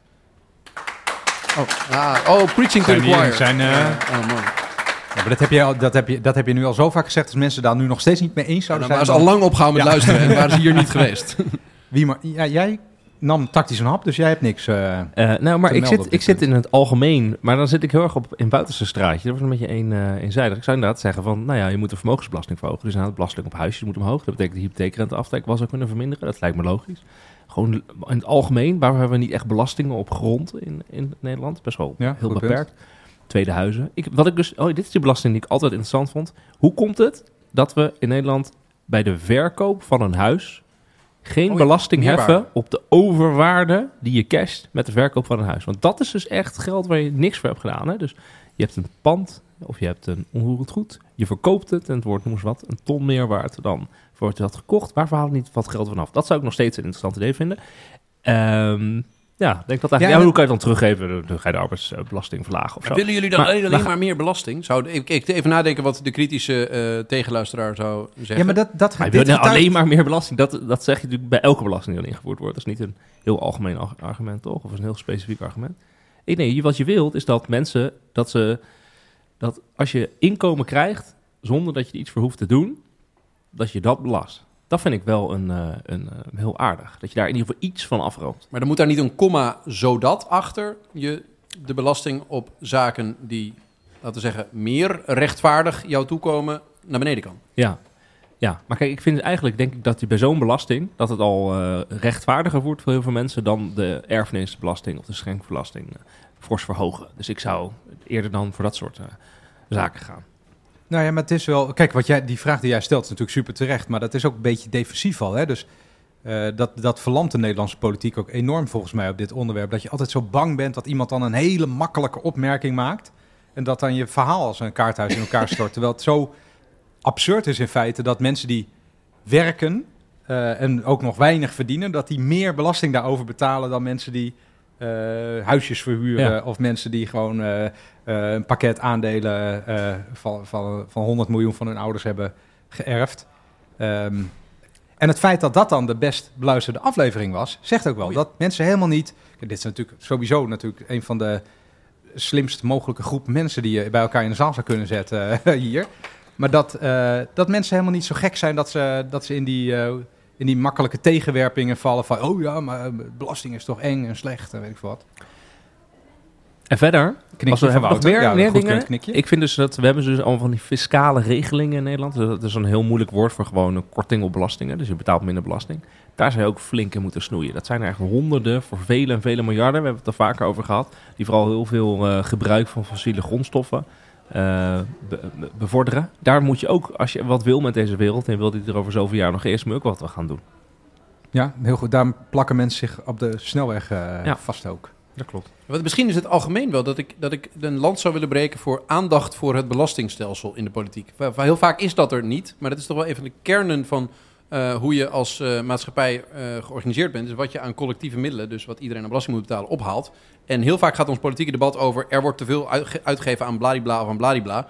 Ehm, maar een eerlijke mix van hoe we met z'n allen die collectieve middelen opbrengen, is gewoon het fundament over dat we het allemaal vertrouwen dat we met elkaar in een samenleving leven. Dus meer grondig nadenken over een eerlijk belastingstelsel is best saai, maar wel iets waar ik een. Maar dan geldt toch weer de ijzeren wet van beleidsbaat. De Schaf staat moet eerst failliet voordat Voordat ze maar af voor die fiscale regelingen. Dat gaat niet gebeuren. Nee, ja, want Totdat de wereld iedere is. beleidsmaatregel heeft een beleidsmedewerker die hem ooit verzonnen heeft en die de rest van zijn carrière graag eh, wil inzetten om dat, eh, de beleidsmaatregel te behouden. Eh, en in Nederland hebben we gewoon een, een belastinguitzondering voor iedere straathoek ongeveer. Ik had altijd meer het idee dat als ambtenaar dan een schaal erbij kregen... dat het beleid dat daarna verder ook weer vergeten... eh ja, is flauw, is flauw. hey, ehm vraag... Eh, Zullen we, zullen we even een check doen? Eh, Sadia, is dit een beetje... eh, ja? Nou, er, er komt Ja. heel veel twijfel vandaan. Fiscaal, Oh, ja, heel fiscaal. Ja, het is heel fiscaal. oh, ja. ja. Ja. Ja, oké, ja. Ja, wat nu? ja, ja, ja. Dat is goed. Ja, ja, ja. ja. ons pleidooi was dus ook dat het meer moet gaan over fiscale zaken. Maar andere zaken, we kunnen ook nog... eh maar minimumloon omhoog, vind ik ook nog Ja, steeds. ook no-brain. Weer, ja, oh, dat is niet fiscaal. Ja. Maar ja, lijkt wel een hele goeie om te doen. Eh, toeslagen, toch een beetje... Maar een toeslag is geen belasting, hè? Dus eh, kinderopvang... Het komt wel griezelig in de buurt van de fisca- van het kinderopvang je niet al die toeslagen hoe rond te pompen. Wij kunnen eigenlijk maar één in dingetje. Fransman. Ja, zou er ook heel blij mee zijn. Nou, ik, waar- ik, ik waar wacht nog even over Waar ik in de podcast Ik ook heel vaak een pleidooi voor heb gehouden, is simpelere dienstverlening. Eh, waarin, de, onze publieke sector heel veel aandacht aan besteed wordt, is, is regelingen voor iedereen die in onze maatschappij bestaat, die een soort uitzonderingssituatie kan hebben. Weet ik veel, mensen met zes kinderen uit vier huwelijken, die in drie gemeentes wonen, eh, in alle hele co- complexe situaties. En ik denk dat er heel veel mensen gebaat zijn bij een eh, overheid die simpel is. En een overheid die dus niet uitzonderingen maakt voor iedereen die mogelijk een beetje herrie kan maken en dus gehoord kan worden in de Tweede Kamer. Ehm, maar een overheid die begrijpelijk is voor iedereen. En niet alleen voor mensen zoals hier in de zaal zitten die het leuk vinden om dit, met dit soort onderwerpen bezig te zijn. Ehm, eh, dus gewoon eh, begrijpelijke eh, maatregelen. Je, je hebt allerlei dingen als de kostendelersnorm of de beslagvrije voet. Dat zijn concepten die, als je niet een beetje doorgeleerd hebt, gewoon dat, de, jou het gevoel geven van die overheid is er niet voor mij. Ehm, en ik denk dat er heel veel gebaat is bij. Het, het- we zien overal dat alle SCP-rapporten zeggen dat het vertrouwen in onze publieke sector breed over de maatschappij, maar zeker bij groepen die kwetsbaarder zijn, afneemt. En ik denk dat de manier om dat te laten toenemen is simpele, eh, uitvoerbare maatregelen die zoveel mogelijk mensen kunnen eh, begrijpen en dus ook generieke maatregelen. Eh, en dat is niet fiscaal, zou die. Hey, eh, nog eentje, nog eentje niet Oh. fiscaal, maar... je gaat helemaal los nu. Eerst, Ja, ik zit, niks ik nu, nee, ja. sorry, ik, zat even, ik zit even rustig na te denken. Een van de dingen die me echt een no-brainer lijkt, is gewoon... We eten met elkaar best wel veel ongezond voedsel. Dus waar veel suiker in zit, en veel vet in zit, eh, en dat soort en zout in zit en zo. Er zijn nu allemaal partijen die roepen... er moet een eh, laag btw-tarief op fruit komen... of een frisdrankenbelasting, wat overigens ook een goed idee is... maar daar mag ik niet over hebben, want dat is fiscaal. Wat je dus wel kan doen, is gewoon de, natuurlijk de normen... van hoeveel zout, hoeveel suiker er in producten mogen zitten... die kan je natuurlijk gewoon flink, flink verlagen. Dat zou een enorme gezondheidswinst eh, opleveren... Als je gewoon zegt, nou, dit is, eh, we gaan de, de, de maxima flink, flink verlagen. Eh, en in Nederland zitten we, laten we zeggen, niet aan de meest zuinige kant. Dus ja, daar zit gewoon heel veel ruimte. Maar dan kom je in een politiek spel terecht eh, dat van nou ja, politici die iets willen, ambtenaren die wel beleid kunnen maken of wetgeving kunnen maken, maar dan volgens een hele lobby dat natuurlijk niet wil. Hey, ander vraagje. Ehm, Bianca Oostenrijk, zit die dan ook in de zaal? Ja, helemaal achteraan. Hallo Bianca. Ik eh, lees jouw vraag even voor. En voor de rest, bedenk even wat je, wat je misschien zo zou willen vragen. Want volgens mij is het leuk als je hierna even een rondje de zaal eh, in maakt, eh, Wouter. In ieder geval, de vraag van Bianca. Hoe zouden jullie de status van de welbekende nieuwe bestuurscultuur van dit kabinet omschrijven? Ja, de status van de bestuurscultuur is het, het enige zichtbare wat veranderd is, is dat je had in het vorige kabinet had je eh, het coalitieoverleg uit mijn hoofd elke maandag. Op, Wat was dat? Nou, er waren dus de, ehm, de top van het kabinet en de top eigenlijk van Wat de, is de top van het kabinet? De minister-president? minister-president, de vicepremiers, de politiek leiders die in het eh, kabinet zaten en dan ook eh, de fractievoorzitters van de coalitiepartijen. Die hadden met z'n allen een overleg op de maandag om de gevoelige dossiers even met elkaar door te spreken. Waardoor je dus van tevoren ook wel bepaalt wat je gaat stemmen of maak je wel deals. Dat is afgeschaft, hè, want dat zou een nieuwe bestuurscultuur zijn. Want er moet nu natuurlijk dan in het parlement moeten er open, grote debatten komen waarin iedereen standpunten deelt. Dus je gaat niet van tevoren als coalitie met elkaar bepalen. hey, dit vinden wij als regering. hey, als fracties van die regeringspartijen zeggen we dat, dat en dat. Je bedoelt dat het Eh, niet meer een toneelstukje Niemand een eh, heel is. stukje. Dus ja, het is in ieder geval wel zo nu dat dat overleg afgeschaft is. Dus dat is in ieder geval een... eh, een maar verder is alles hetzelfde gebleven. Ja, ik, ik zou het bestempelen, eh goede vraag trouwens, als een, eh, een hele mooie ambitie waarvan iedereen voelt dat het moet gebeuren, omdat het niet eh, uit de lucht komt vallen, dat er behoefte is aan een nieuwe bestuurscultuur, Eh, maar dat die ambitie inderdaad nog steeds in de lucht hangt. Eh, omdat het ontzettend complex is. En het heeft ook heel veel facetten. Het gaat om, en men heeft meer behoefte aan openheid, heeft meer behoefte aan minder incidentgerichtheid. Ehm, en men heeft behoefte aan minder gedoetjes over personen en meer over hoe je daadwerkelijk een land bestuurt. Meer een serieuze structurele aanpak op allerlei zaken die wij een crisis vinden in dit land. Ehm, dus ik denk dat, dat, dat de bestuurscultuur een soort van paraplu-term waar allerlei mensen die vinden dat er iets mis is, ehm, eh, hun probleempje onder kunnen scharen. En daarom kunnen mensen, het, als ze met elkaar praten of in de media, het heel erg er mee eens zijn. Ja, er moet een nieuwe bestuurscultuur. Maar als je honderd mensen vraagt, wat is voor jou een nieuwe bestuurscultuur? Dan zeggen ze denk ik honderd verschillende dingen. Eh, dus kunnen we allemaal tot het oneindige blijven vinden dat het nog niet is opgelost. Zullen we even de zaal eh in, Oh ja, Wouter? ga ik Wie, rennen. eh, ja, Ga eens rennen, ga eens rennen. Ja, maar dat is, heel, dat is een fenomeen, vind ik. Dat soms dan, dan zeg je iets en dan heb je het gevoel van... nou ben ik echt iets eh goeds aan het zeggen. Hè, dat slaat echt wel ergens op. En dan hou je op met praten en dan valt er een soort doodse stilte. Ehm, maar dat is, dan, dat is dan meestal omdat het dan wel op zich... Is iedereen het er dan mee eens? Of zo? Ja, hey, wie ehm, eh, heeft een echt eh, live, eh, een actuele, acute vraag? Ik ga gewoon rennen. Één persoon. Eh, zou je willen zeggen hoe je heet? Is dat oké? Wordt wel opgenomen. Mag je, hoeft niet. ehm, en dan mag je je Wouter, dat vinden mensen helemaal niet erg, joh. Anders Nee, joh, ja, als dit ziet er niet. ze wel een naam. Hoi, ik ben Frank. Hoe lang mogen we nog van jullie podcast genieten? Wie zou je dat willen vragen? Alle drie? Oké, Hoe lang? jullie mogen. Oeh, nou, kijk of we hetzelfde antwoord geven. Nou Ja, wij, wij denken wel steeds als iemand weer een nieuwe baan krijgt of zo, eh, waarbij je dan, eh, hoe zeg je dat, dat gevoelig zou kunnen liggen, dan kijken we elkaar wel weer aan van, eh, ja, kan dat dan?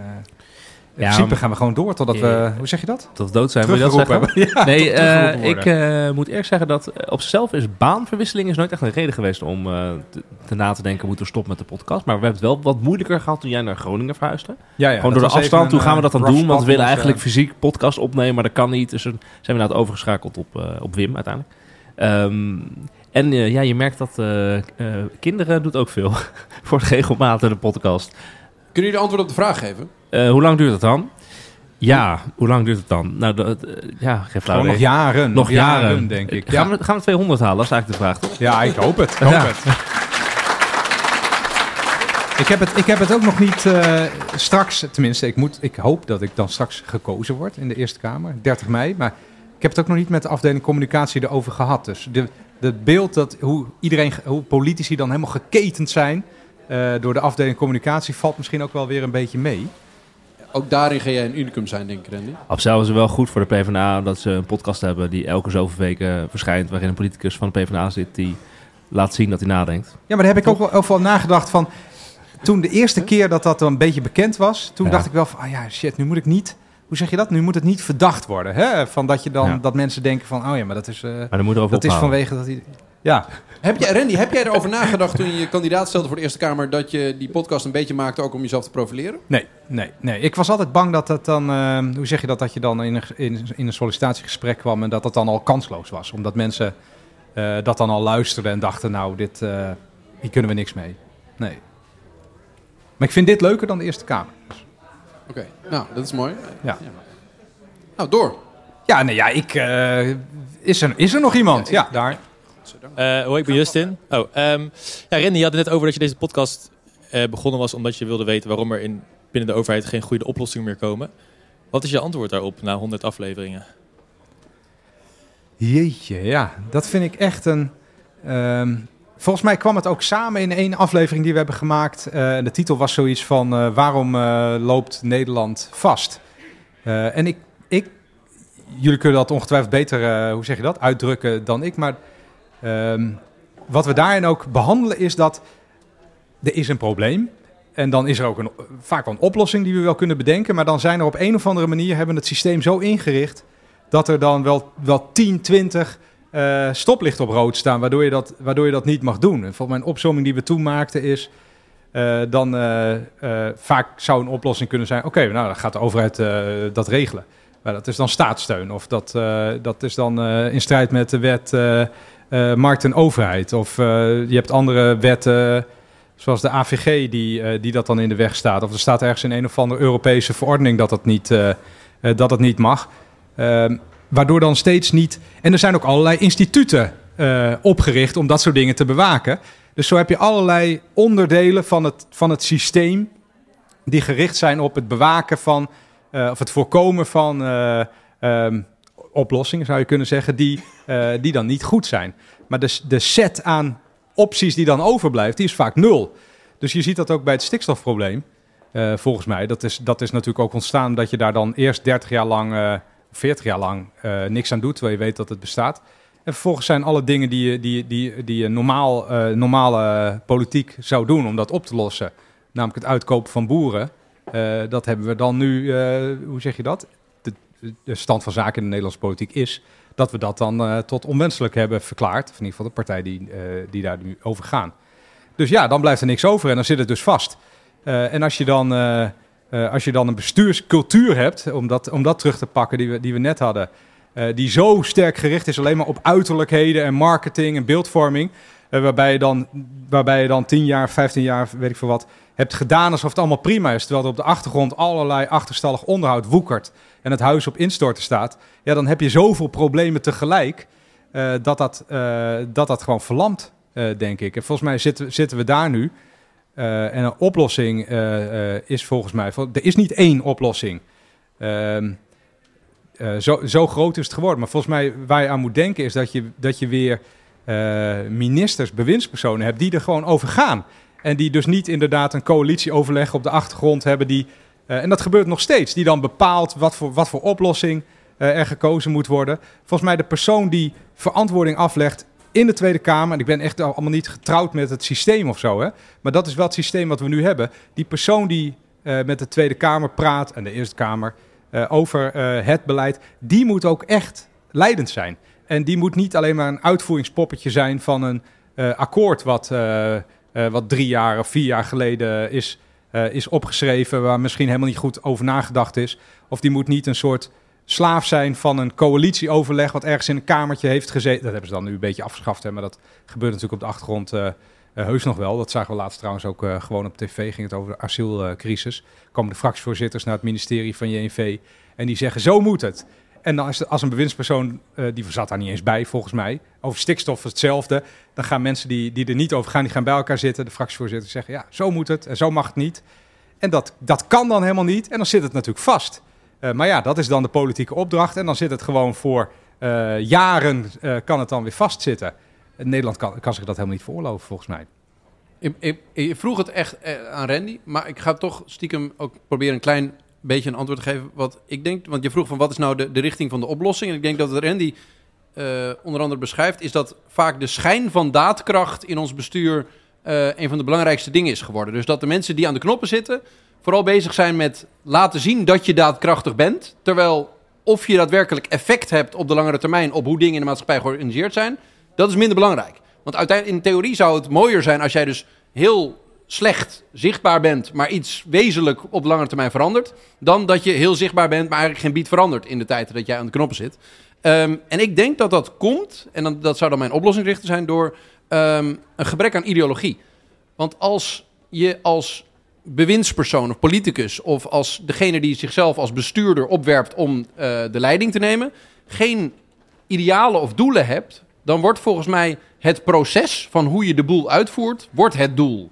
Ehm, dus de boel draaiende houden op een efficiënte manier, op een effectieve manier, volgens de wet van beleidsbehoud, wordt het doel. Ehm, en dan zal je dus nooit, wanneer er zich eh, iets tot crisis vormt of dat het vastloopt, zoals weet ik veel, we hebben zoveel dingen besproken, de woningmarkt, het onderwijs, eh, eh, ons eh, stikstofstelsel, eh, het klimaatstelsel, ons zorgstelsel. Als dingen dus echt vastlopen, ben je niet in staat om voorbij het proces dat gaande is te kijken, wanneer je niet idealen hebt die jou hebben bewogen om de leiding te nemen. Dus ik denk dat, dat als er een oplossingsrichting is, dat denk ik dat Nederlanders ehm, eh, met elkaar zich hard zouden moeten maken om mensen aan de, de knoppen te hebben die bepaalde idealen in hun bips hebben. Eh, en iets willen bereiken en dat een doel durven uitspreken in plaats van allerlei procesmatige idealen als we gaan dit heel efficiënt doen.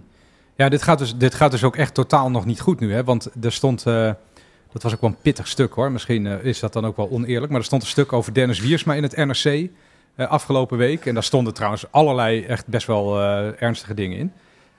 Maar wat mij dus heel erg opviel is dat eh, een, soort, een soort, hoe zeg je dat? Een soort anekdote stond daarin. Dat hij was op tv ergens. eh, en schijnbaar kondigt hij dan eh, beleidsplannen aan. alsof Ja. die bestaan. Waarbij ambtenaren op het ministerie van hun stoel vielen. Zo stond, het, zo stond het dan in het stuk.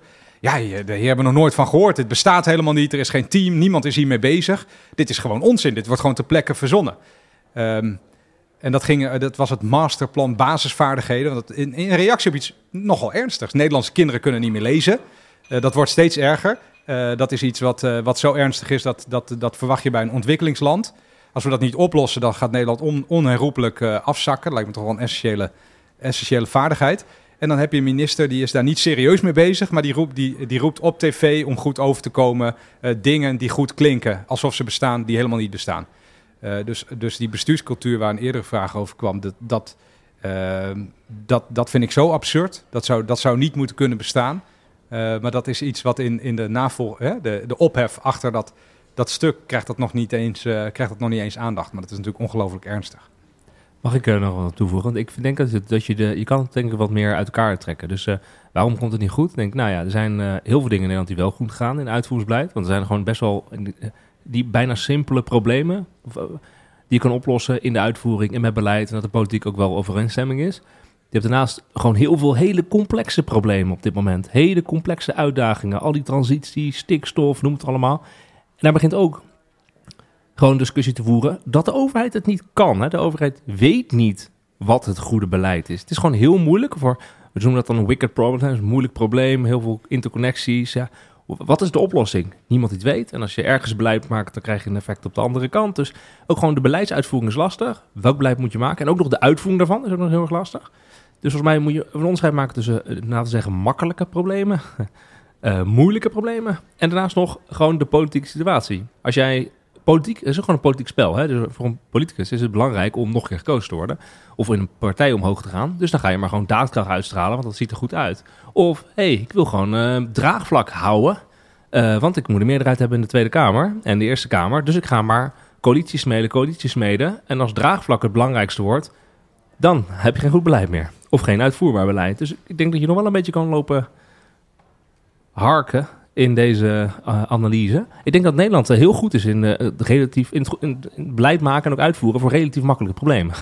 het wordt pas een probleem op het moment dat je met hele complexe dat- problemen dat te maken hebt. Met heel veel, met heel veel politieke belangen. En ook heel veel partijen die gaan verliezen. Hè? Dat is natuurlijk wat je nu ziet. Bij heel veel van die transities, transformaties gaan gewoon bestaande belangen gaan gewoon allemaal in de min. Ja, die gaan allemaal tegenwerken. Dat vond ik ook een leuke uitzending. Want we- de- ik weet niet meer welke het was, maar dat was, die heette volgens mij iets in de trant van de, de, de halver... Ja, dat is, zo heet hij het niet, want wat ik nu gezegd heb, dat klinkt nergens naar. Maar de, de halverwege evaluatie van eh, Rutte... Waar zijn we nu? Vier? Rutte 4. Nee, Rutte, bij Rutte 3 hebben we dat gedaan. Oh, bij Rutte 3. halverwege hebben, Ja. we hebben gewoon daadwerkelijk het regeerakkoord genomen en hebben we Ah ja, gekeken wat, dat was daar, wat hebben ze. Dat daarvan al leuk. gedaan. Ja, dat was ook heel door leuk. kabinetsleden heel goed beluisterd, heb ik gehoord. En eh, Nee, de, dat, is, rea- dat is niet waar. de, re- de realiteit was ook dat, er- dat er heel veel dingen gewoon gerealiseerd zijn. Goede dingen. Ja, precies. Eh, maar je hebt, je hebt wel gelijk, dat zijn dan een beetje de kleine dingen die we nog aankunnen. En de, groot, de grote problemen die eh, zitten, zitten dan wat meer vast. Jij gaat weer de zaal in. Is er nog iemand eh, met een leuke vraag? Ja, daar achterin. Eh, moet ik hem achterin? Helemaal achterin. Ja. Meneer. Hi. Ehm, ja, ik denk dat ik veel van jullie analyses deel. En ik denk dat veel ehm, eh, oplossingen die jullie aandragen ook wel eh, eh, Maar? waar zijn. Maar, inderdaad. Ehm, wat moeten we dan doen? Want ik denk inderdaad dat we vastlopen en ik, het, het, goede, goede bestuurders aanstellen werkt en een open bestuurscultuur werkt. Maar we zitten hier met honderd mensen die enthousiast zijn, slim zijn in een zaal. Wat moeten we nou doen om het, om het anders te doen dan alleen het probleem benoemen en zonder oplossing blijven zitten, maar wel gelijk hebben? Ja, ja, ja, maar dat, dat, is een hele goede vraag. Eh, Ik voel applaus er voor de komt ook een soort... eh, oh ja, ja, ja. Alleen, alleen al applaus voor de vraag. Ja, maar de vraag is uitstekend inderdaad. Ja, zeker. Maar ik denk ook wel dat we in Nederland te veel... en ik hoop niet dat wij die indruk eh, ook voortdurend wekken... maar eh, dat we ook te veel alleen maar naar dat Haagse systeem kijken... eh, om, eh, eh, hoe zeg je dat, de, de, eh, het vastlopen van het land eh, op te lossen. Want ik verbaas me er ook wel eens over dat nou, je, je, eh, be- bepaalde beroepsgroepen, bijvoorbeeld huisarts of leraren... dat, is gewoon een, dat zijn super mooie beroepen van oudsher... die heel erg waardeloos zijn gemaakt door allerlei falend beleid wat er over is uitgestort. Ehm, volgens mij, eh, we hadden het net over dat masterplan ba- basisvaardigheden, maar een andere oplossing, ook zo'n shit oplossing, was dat er dan experts het land in worden gestuurd die eh, achter in de klas gaan zitten en dan tegen leraar gaan zeggen, hey, eh, je, moet, eh, je moet die kinderen op een hele andere manier leren lezen.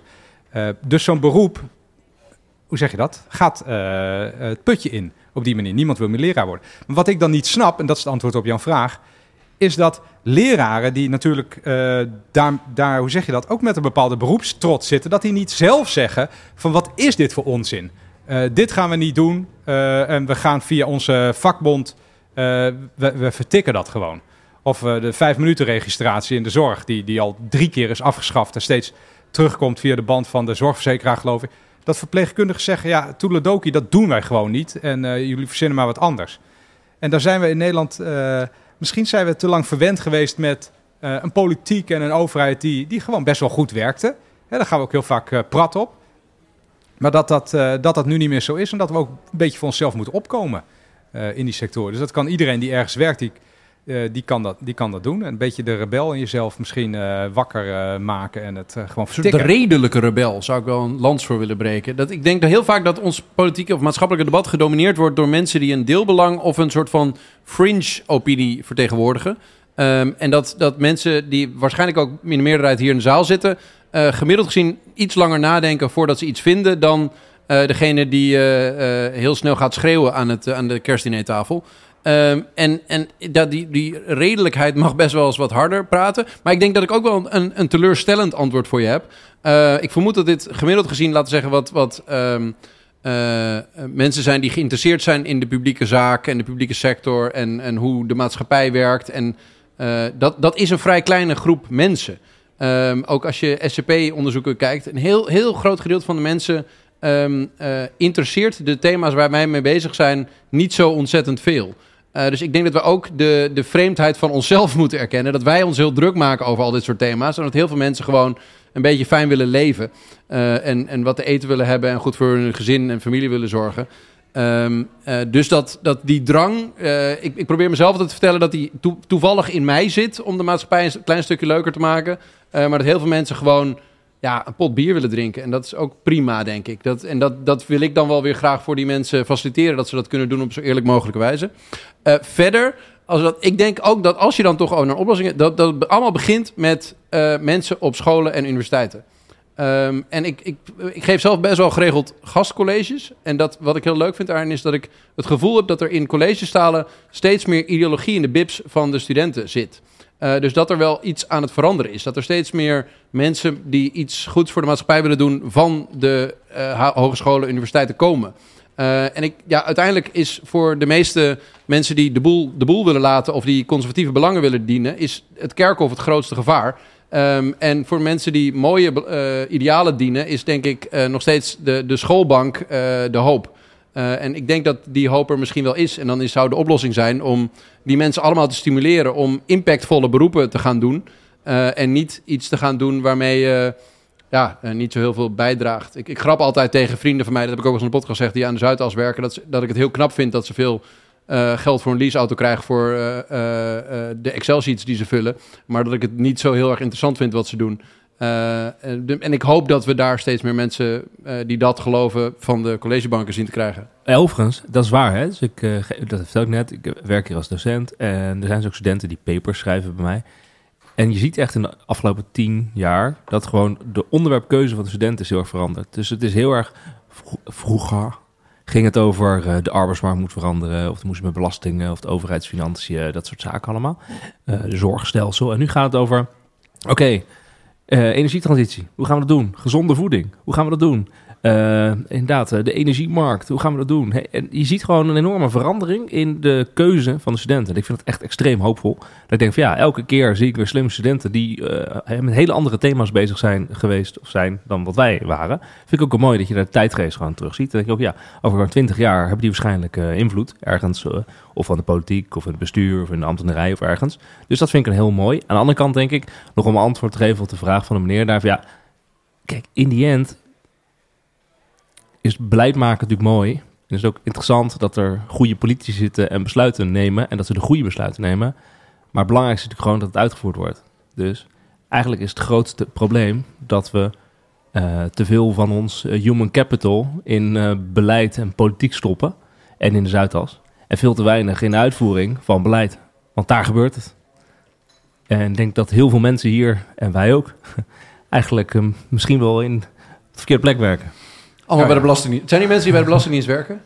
Nee, ik weet- ja, nee, daar heb je het al. Nee, die, Ja. die hebben geen tijd om naar dit soort dingen toe te gaan. Ja. Hey, eh, laten we even één vraagje van papier doen. Dan, Oh, kunnen, ja. eh, dan kunnen jullie in de Misschien zaal zit die persoon even- wel in de zaal. Eh, eh, ja, want die, eh, daar heb ik eh, net een hand mee geschud.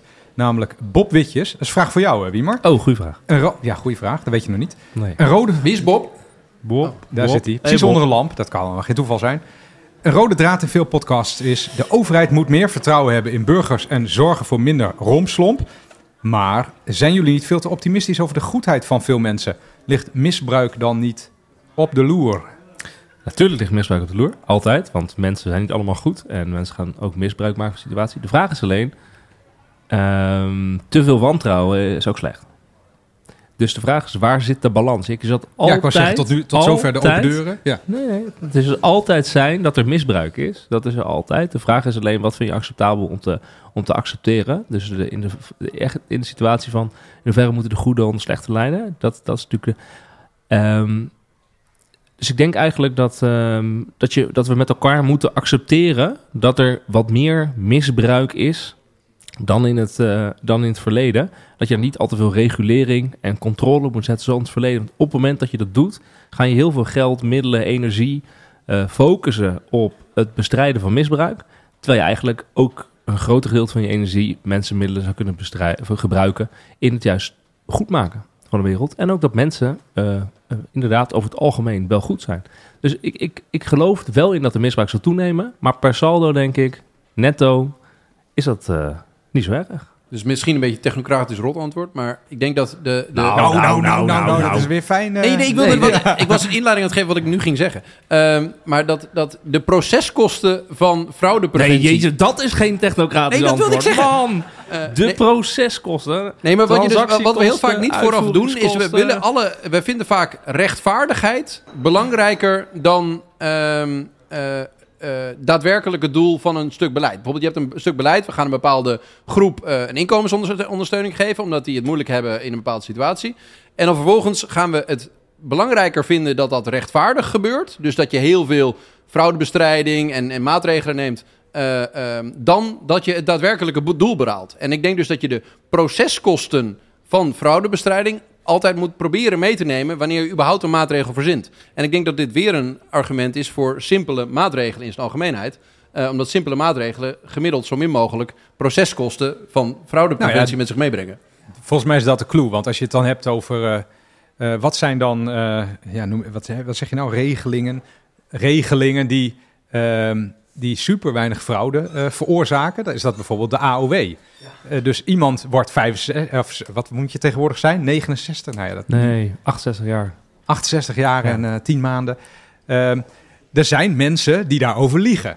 Hè? Dus die zijn in, dan in... Dat is eh, heel lastig in Nederland hoor. die, die, zijn dan, die zijn dan geboren in, ja, nu moet ik een land noemen wat dan weer niet stigmatiserend is, maar een land ergens waar het heel warm is met slechte, eh, slechte burgerlijke stand. En dan kom je met een soort papiertje en dan is niet helemaal helder leesbaar in welk jaar je nou geboren bent. Eh, er zijn overigens veel immigranten die, die, die eh, zeggen dat ze jonger zijn dan ze zijn, maar die vergissen zich dus in het systeem. Hè? Je kan beter zeggen, je, kan beter zeggen dat je 65 bent.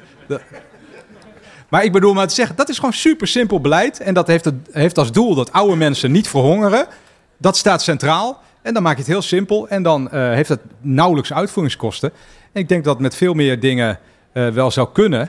Eh, maar dat we dan in Nederland zo bang zijn dat er iemand... Maar dit is toch geen vergelijking? Heeft trouwens de ik eigenlijk 60 een heel goed jaar, verhaal 7 dit. maanden? Ja. Nee, ik vind het geen... Kijk, want eh, juist, je hebt over regelingen waar geen fraude mee kan worden gepleegd. Heel weinig, want het gaat alleen maar Omdat om simpel leeftijd. zijn. Super simpel. Maar ja, op het moment dat je het hebt over een, over een, de, even het klassieke voorbeeld, een bijstandsuitkering, dan weet je, ja, daar kan je je gedrag op gaan aanpassen. Dus daar kan je mee frauderen. Ja, dan kan je dan allemaal proceskosten hebben als je dat gaat controleren. Maar volgens mij is de essentiële vraag van, oké, hoe zwaar weeg je aan fraude en wat ben je bereid te doen om fraude aan te pakken? Dus, ehm, dus ben je bereid om fraude te accepteren, omdat je denkt, oké, dat heeft bepaalde eh, kosten bij, dus vind je dat belangrijk? Of zeg je nee, hop, we, moeten ook alle goede pakken, helaas, die gaan we te hard controleren, want ik vind die fraude zo erg. Eigenlijk een beetje van, oké, je, hebt een- je hebt een huis, er staan tien mensen in, je weet dat er twee frauderen, dan is de vraag, ga je, kan je een aantal keuzes. Je hebt een keuze om te zeggen... verraders ja, dat is leuk. Is Ja, leuk. Dus je ja, hebt tien mensen in huis. Twee frauderen er waarschijnlijk. Dan kan je de keuze hebben of we gaan ze er één voor één proberen uit te halen. Heel nauwkeurig en daar keuzes voor maken. En dat betekent dat het duur beleid is. Heel specifiek, maar wel heel rechtvaardig. Want je haalt precies die twee eruit. Dat is wel heel duur beleid. Je kan of de keuze maken. Weet je wat? Ja, twee van tien. Ach, vervelend. Maar ja, laat het maar in zitten. Kost dus helemaal niks. Of je kan de keuze maken, en dat is een beetje de keuze die ik zeg maar, in de afgelopen tien jaar heb gezien, is van, hé, hey, een huis, tien mensen, twee kunnen de bijstandswet hebben overgetreden. Weet je wat? We bombarderen het hele huis. Preventief. Nou ja. Nou, dat laatste. ik had al dat gevoel vind dat ik dit dus- voorbeeld totaal ging ontsporen Ja, aan, dacht je dat? het einde. Je dat? Eh, maar dit was wel een heel goed antwoord op de vraag. Ja, mooi, dit is een mooi voorbeeld van Ja, dit was een heel... Dit was het, ja, ik zie Bob eh ja, knikken. zeker. Ja. Volgens mij Mag eh, gewoon Ja, ik weer- voorbeeld. weer gaan rennen? gaan we weer even de zaal. Ja, je Er was ook nog een meneer die een vraag als hand omhoog had net. Wie was Ja, dat ook weer? ja, ja, hij steekt weer zijn hand omhoog zelfs. Dat is toevallig. Meneer. Eh, een van mijn favoriete dingen aan de publieke sector, maar tegelijkertijd verschrikkelijkste, vind ik eh, de vele afkortingen die je tegenkomt. Wat is jullie favoriete of verschrikkelijkst, meest verschrikkelijke afkorting? Ja, dit, dit, dit, ik ga iets zeggen, dan kan jij daarna je meest verschrikkelijke afkorting noemen. Ik weet dat er bij het ministerie van Financiën is er zelfs een afdeling, die heeft een, af, na, een afkorting. En niemand weet meer waar dat voor staat. Ja, dus dat is ook weer goed, want dat betekent dat je, dat je, dat je relatief weinig gereorganiseerd hebt. Maar ze weten het gewoon niet. Er zijn wel theorieën over, maar niemand weet echt waar, waar dat voor staat. Nou mag jij. Ja, mag ik. ik, ik eh, jeetje, minst favoriete. Ik heb niet eh, een afkorting die ik enorm haat of zo. Ik vind vooral p- spraakgebruik altijd. Dus wij hebben wel eens bij de Vinker altijd van... Als iemand zegt, oké, we gaan nu afconcluderen. Oeh ja, dat- we gaan nu even zwaluwstaarten. Of we gaan even deze processen op elkaar aansluiten. Dat soort uitspraken, waarschijnlijk heel bekend als je publieke sector werkt... die zijn echt zo verschrikkelijk. En die hoor je ook alleen maar in de publieke sector. Er is, in de normale wereld zeggen mensen dat niet. Ja, ik, ik ga... Afkorting? Zal ik... Afkorting. Eh FOFNIF. Ja, ik weet, durf te wedden dat er mensen zijn die weten wat het is. Vakopleiding voor financiën voor niet-financiële beleidsmedewerkers. Ah, ja, ja. Waarom zou je dat De afkorten? H heb je ook en de boven heb je. Alsof je het daar iedere dag over hebt. eh. Eh, ja, dat zijn gewoon dingen die eh, eh, eh, vaak. Maar, ik zal je wat lolligers. Ik, ik, hou, ik heb zelf, ik werk al een jaar of tien bij de overheid. Maar ik probeer een heel groot doel als je in de publieke sector werkt, is eh, normaal blijven. Eh, en dat is heel lastig. Ehm, eh, want is ook niet gelukt. me- mensen zeggen op, eh, eh, op de, op de, oh, nee, op de ambtenaren werkvloer Ik zeggen mensen wel. Dan ik zeggen we ambtenarij. Mijn doel is normaal blijven. ja, nee, ja, omdat- omdat je, je wordt langzaam een soort Publieke sy- waarde. systeem ingezogen. En de mensen zeggen wel eens tegen elkaar van... ja, maar eh, ik, ik ben ook een burger. Nee, dat is in mijn ogen gelul.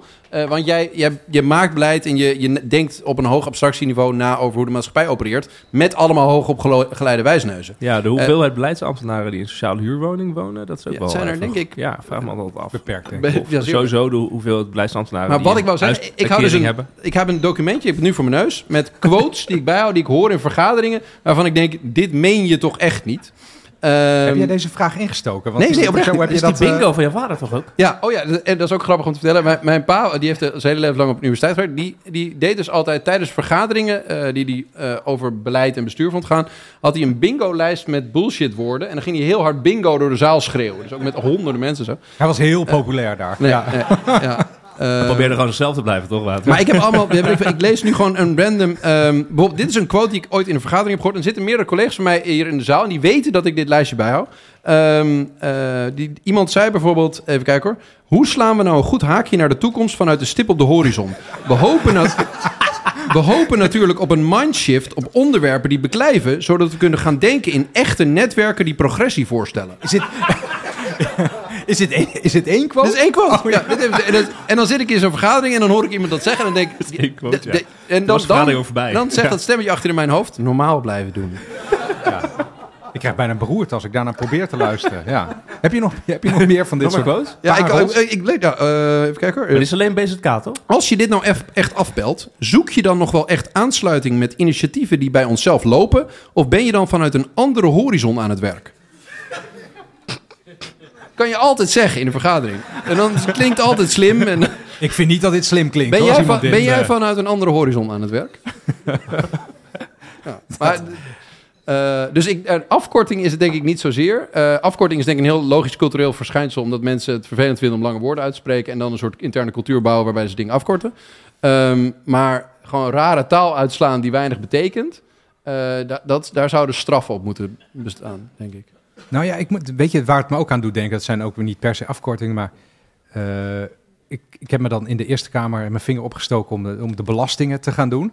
En dan ga je stukken lezen eh, en dat is gewoon totaal onbegrijpelijk. En niet alleen voor, eh, voor mensen die daar helemaal niks van af weten, maar ook voor mensen die daar verstand van hebben, is dat gewoon totaal onbegrijpelijk. En dat, dat vind ik ook verdacht, snap je? En nou snap ik ook dat het allemaal ingewikkeld is en dat het dus ook gewoon per ongeluk en vanzelf en oprecht eh, leidt tot onbegrijpelijke stukken.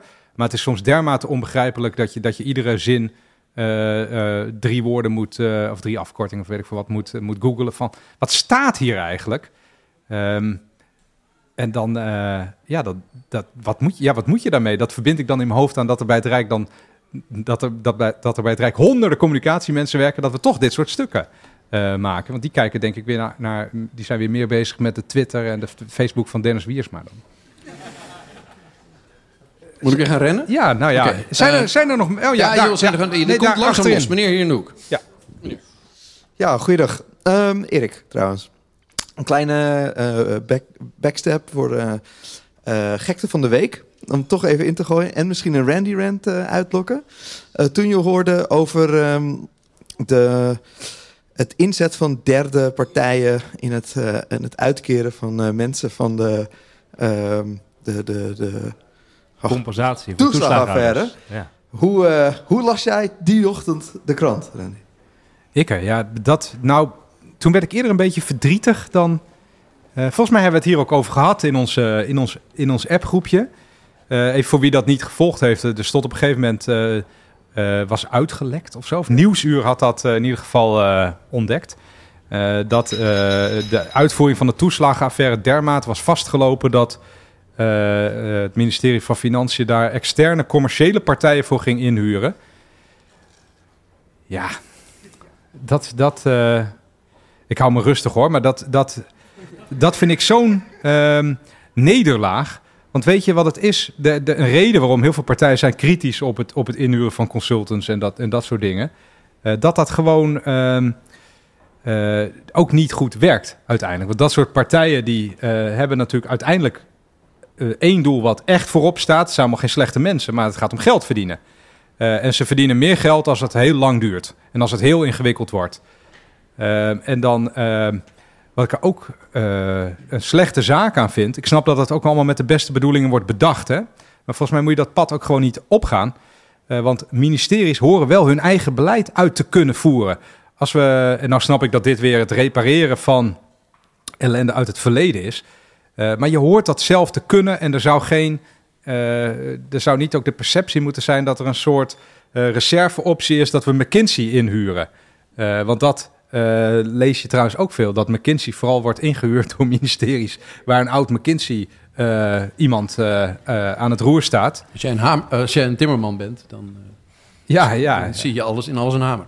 Ja, dat eh, zijn overigens ook weer niet de bewindspersonen van ik denk van jeetje, het is goed dat we daar dan 500 euro per uur voor hebben betaald eh, in een in Maar een buiten, buiten dat het, eh, dat het alles wat je zegt, maar wat ik er ook echt pijnlijk aan vind, is van hoe gaat dat dan naar die ouders? Hè? Dus dan Ja. heb je dus jarenlang ben je in communicatie met de Belastingdienst. Je hebt- krijgt allemaal enveloppen binnen. Ja. En dan moet je op reageren, je moet bewijzen overleggen, en correspondentie met de Belastingdienst. En dan moet je straks ineens eh, alles met, ja, ik weet niet wel, la- laten we, laten we Een gewoon- van de consultancy met, firma, met ja. McKinsey, moet je met McKinsey opnieuw al die eh, correspondentie gaan doen. Dat lijkt me McKinsey is maar heel een erg. voorbeeld, hè? Ja, Die dat is gaan voorbeeld, niet doen, volgens mij. Fictief. Maar dan ga, dan ga je het allemaal opnieuw doen met een private partij. Ja, ik zou gek worden. Ik zou, Ik zou ik echt zou, wel, eh, ik zou het helemaal- opgeven, denk ik. Ja, ik, ik vind het wel echt heel erg. Ja, en volgens mij de...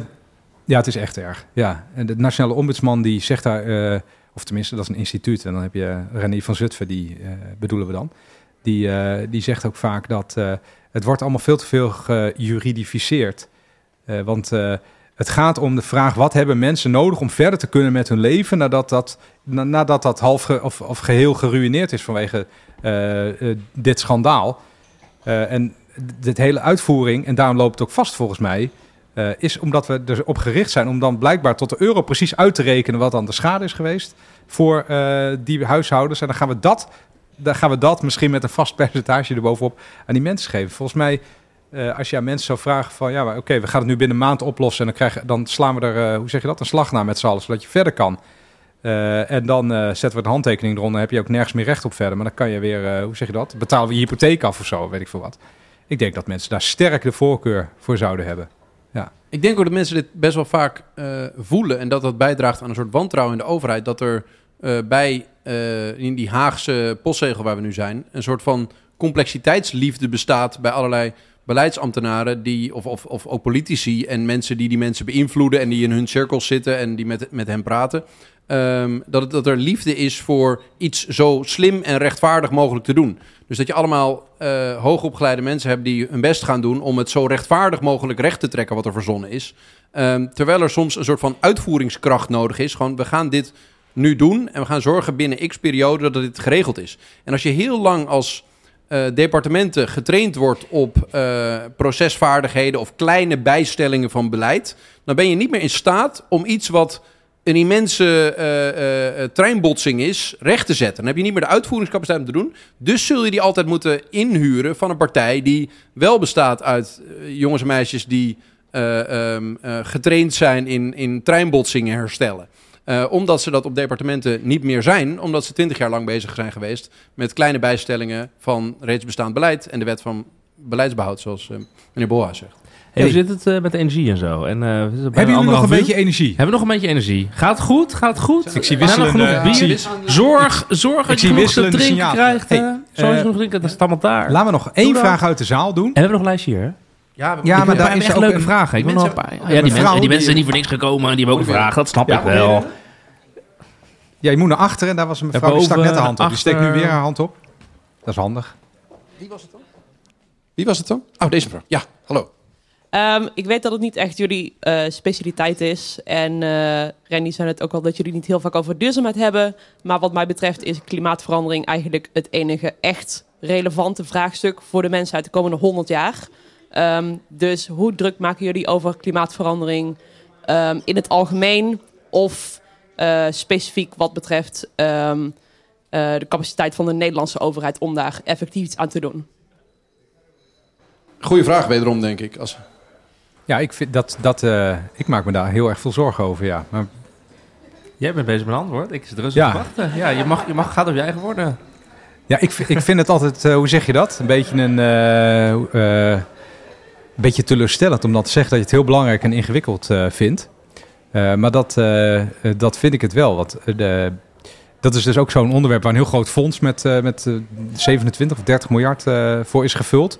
En PBL heeft dan de, het Planbureau voor de Leefomgeving heeft de, de gekozen maatregelen doorgerekend en zegt van, van een meerderheid daarvan van ja, dat, maar dat is helemaal niet effectief. Dus dat is gewoon geld eh, eh, over de balk eh, smijten omdat je het eh, belangrijk vindt. Eh, of tenminste, zo verwoord ik dan nu wat zij zeggen. Dat zeiden ze natuurlijk heel anders. Ja, ik vind dat heel lastig. Ik zie, ik zie, eh, ehm, ik zie, dat, ik zie dat nog niet heel erg, eh, niet heel erg lukken op dit moment. Ik weet niet hoe deze mevrouw heet, maar die wel een soort van olifant in de kamer be- be- benoemt. Ehm, en als ik dan op mezelf betrek, dan ik, ik moest net de vergelijking trekken met in mijn hoofd kwam die op. ehm, toen ik examens ooit had, of dan ging ik heel vaak voor de dingen die het allermoeilijkst waren, ehm, ging ik uitstellen dat ik daar mijn best voor ging doen. En volgens mij is dit het allermoeilijkste probleem waar wij als mensheid voor staan. Hoe gaan we zorgen dat we nog op deze eh, planeet kunnen leven eh, in een bepaalde tijd? En hoe gaan we daar samenhangend beleid op voeren? En ik denk dat ehm, eh, ja, dat is wel hetgeen waar ik me het meest zorgen maak. Als ik, ik heb bijvoorbeeld, jullie konden in de laatste podcast horen dat ik twee weken geleden een, eh, een derde kindje heb gekregen. Ehm, de discussie over of drie kinderen slecht is voor eh, het klimaat, wil ik ook nog wel eens voeren met iemand. Ehm, op een ander moment. Maar dat, dat is wel waar ik me zorgen over maak. Want mijn kinderen gaan waarschijnlijk in 2100 nog leven. En ja, ik, de meest cynische opmerking die ik wel eens tegen mijn vrouw maak... is dat we op vakantie moeten naar Noorwegen om te verkennen. Ehm, en, ja, dat, dat, en het gekke is dat er dan wel een soort van idee van realiteit in zit. En dat ik dus besef dat ik kinderen aan het maken ben... die waarschijnlijk een minder hoopvol leven zullen hebben dan ik heb gehad. Want ik ben opgegroeid in de jaren 80 en 90... toen het idee nog was dat alles mooier, rijker, beter en, en fijner ging worden. Ehm, maar dat ik, ja, ik denk dat iedereen hier op een gegeven moment met, met zijn kinderen of met zichzelf in gesprek moet over welke pijn zijn we bereid te lijden en hoe hard zijn we bereid om eh, daarvoor te strijden. Ik ben niet de, een, van de dapperst. Ik ben bij, wel eens bij zo'n klimaatdemonstratie geweest, maar dan sta ik aan de zijkant. Eh, ja, dat, dat is het eigenlijk. Ja. Jij, Wiemer? Ik maak me er enorm veel zorgen over. Ik vind echt eh, dat we er veel te lang, veel te weinig hebben gedaan. Ik merk het ook inderdaad nu ik twee kinderen heb. Dat ik denk, jeetje, ja, hoe gaat dat eruit zien? Het is voor mij ook een reden geweest om eigenlijk eh, te stoppen met... waar ik me normaal gesproken mee bezig hield... met eh, analyses over overheidsfinanciën of belastingen of... CPB en zo. Dus ik ben heel bewust een paar jaar geleden gestopt daarmee en meer gaan richten op transities. En ook carrièrebewegingen gaan doen richting op transities werken.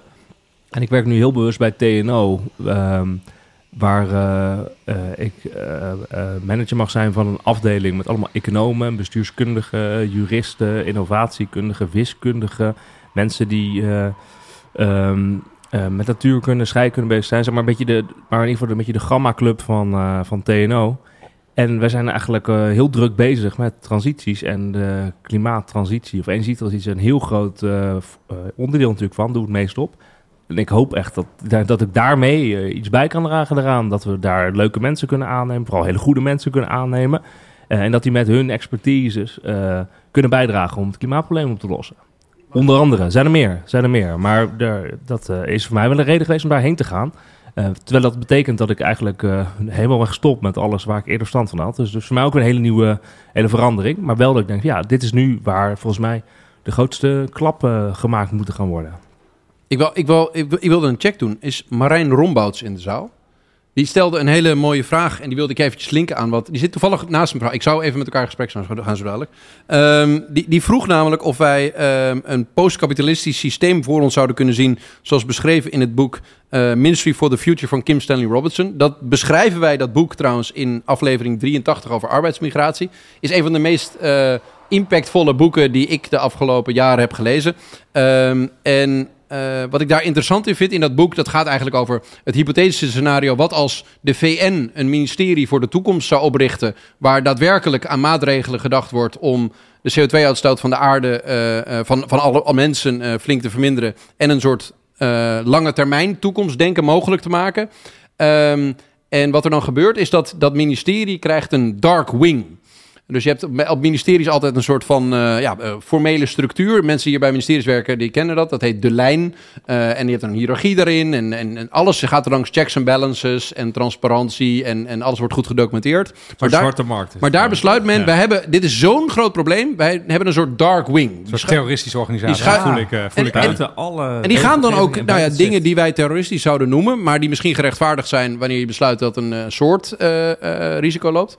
En ik, ik maak daar. Het gekke is dat het soms een beetje cynisch, wel eens grapjes over. Van, hebben we dat niet ook soms nodig? Een soort van buiten bestaande systemen acterende eh, mensen die dit zo serieus nemen.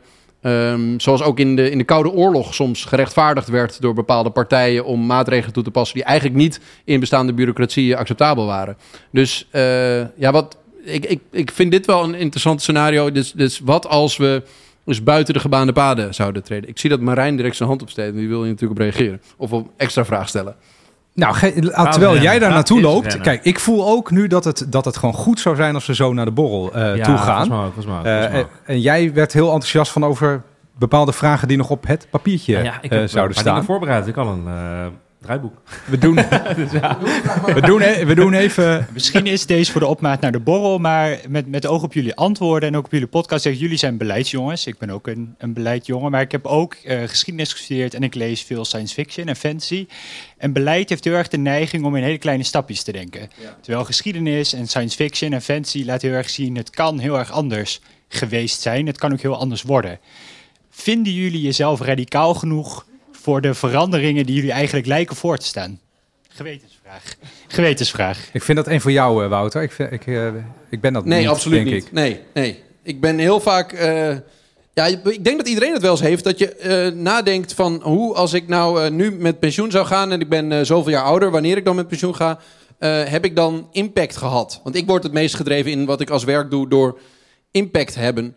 En eh, ik ben daarom voor de publieke sector gaan werken, omdat dat mijn plek leek waar ik veel impact kan hebben. En ik kan nu ook echt veel impact hebben, denk ik, door bijvoorbeeld eh, Europese verordeningen net iets anders te maken, die impact hebben op 500 miljoen mensen.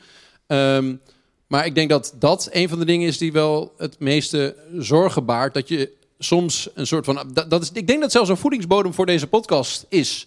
Dat wij eh, in eh, de zomer van 2017 op een terras zaten met elkaar. En dat wij vaak in de gesprekken die we met elkaar voerden. Radicaler of. Laten zeggen, uitgesprokener waren dan we normaal zouden zijn wanneer we in het systeem opereren. En dat we schijnbaar een soort behoefte hebben om die drang ergens te ventileren. En dat we dan maar het instrument van een podcast hebben gekozen. Maar dat dat voortkomt uit een soort eh, drang om iets meer impact te hebben dan je op het moment hebt. Kijk, en nog even zijn antwoord. Ik ben dus best wel, wel positief, hè? dus we kunnen het omdraaien. Ik geloof alleen, jij zegt van, ben je als persoon radicaal genoeg? En dan ga je zo erg uit van dat een persoon individueel de keuze gaat maken om het gedrag te veranderen en klimaatverandering tegen te gaan. En zo. Dat moet dan alle miljarden mensen in de wereld moeten dat individueel gaan doen. Daar geloof ik niet in. Waar ik gelukkig in geloof is dat mensen heel erg reageren in hun gedrag op het systeem. Wat dat dan ook is, of dat dan financieel is, waar ik vaak over nadenk, of eh, regelgeving. Of. Dus wat ik wel in ieder geval heel radicaal genoeg voor ben, is om het systeem zo radicaal te veranderen, dat we met z'n allen gaan mee veranderen.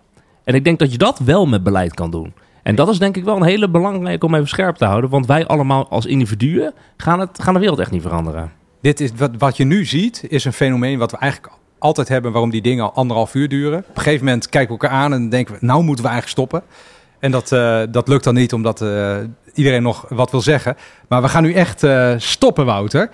Ik, eh, staat in het draaiboek dat Tot ik... kwart voor tien toch? Nee joh, wat? Dat kost tien. Maar al die mensen die hebben er geen zin meer in. willen gelijk naar de borrel. Maar kijk, ik wil nog een paar... Even, ik ga toch een paar vragen doen. Gaan we snel doen. Oh, want ik vind het gewoon leuk.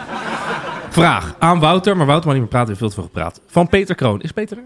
Peter Kroon. Peter Kroon. Hele goede vraag. Missen jullie een soort programma wat jullie maken bij de NPO? Dus dat is de publieke omroep, denk ik zomaar.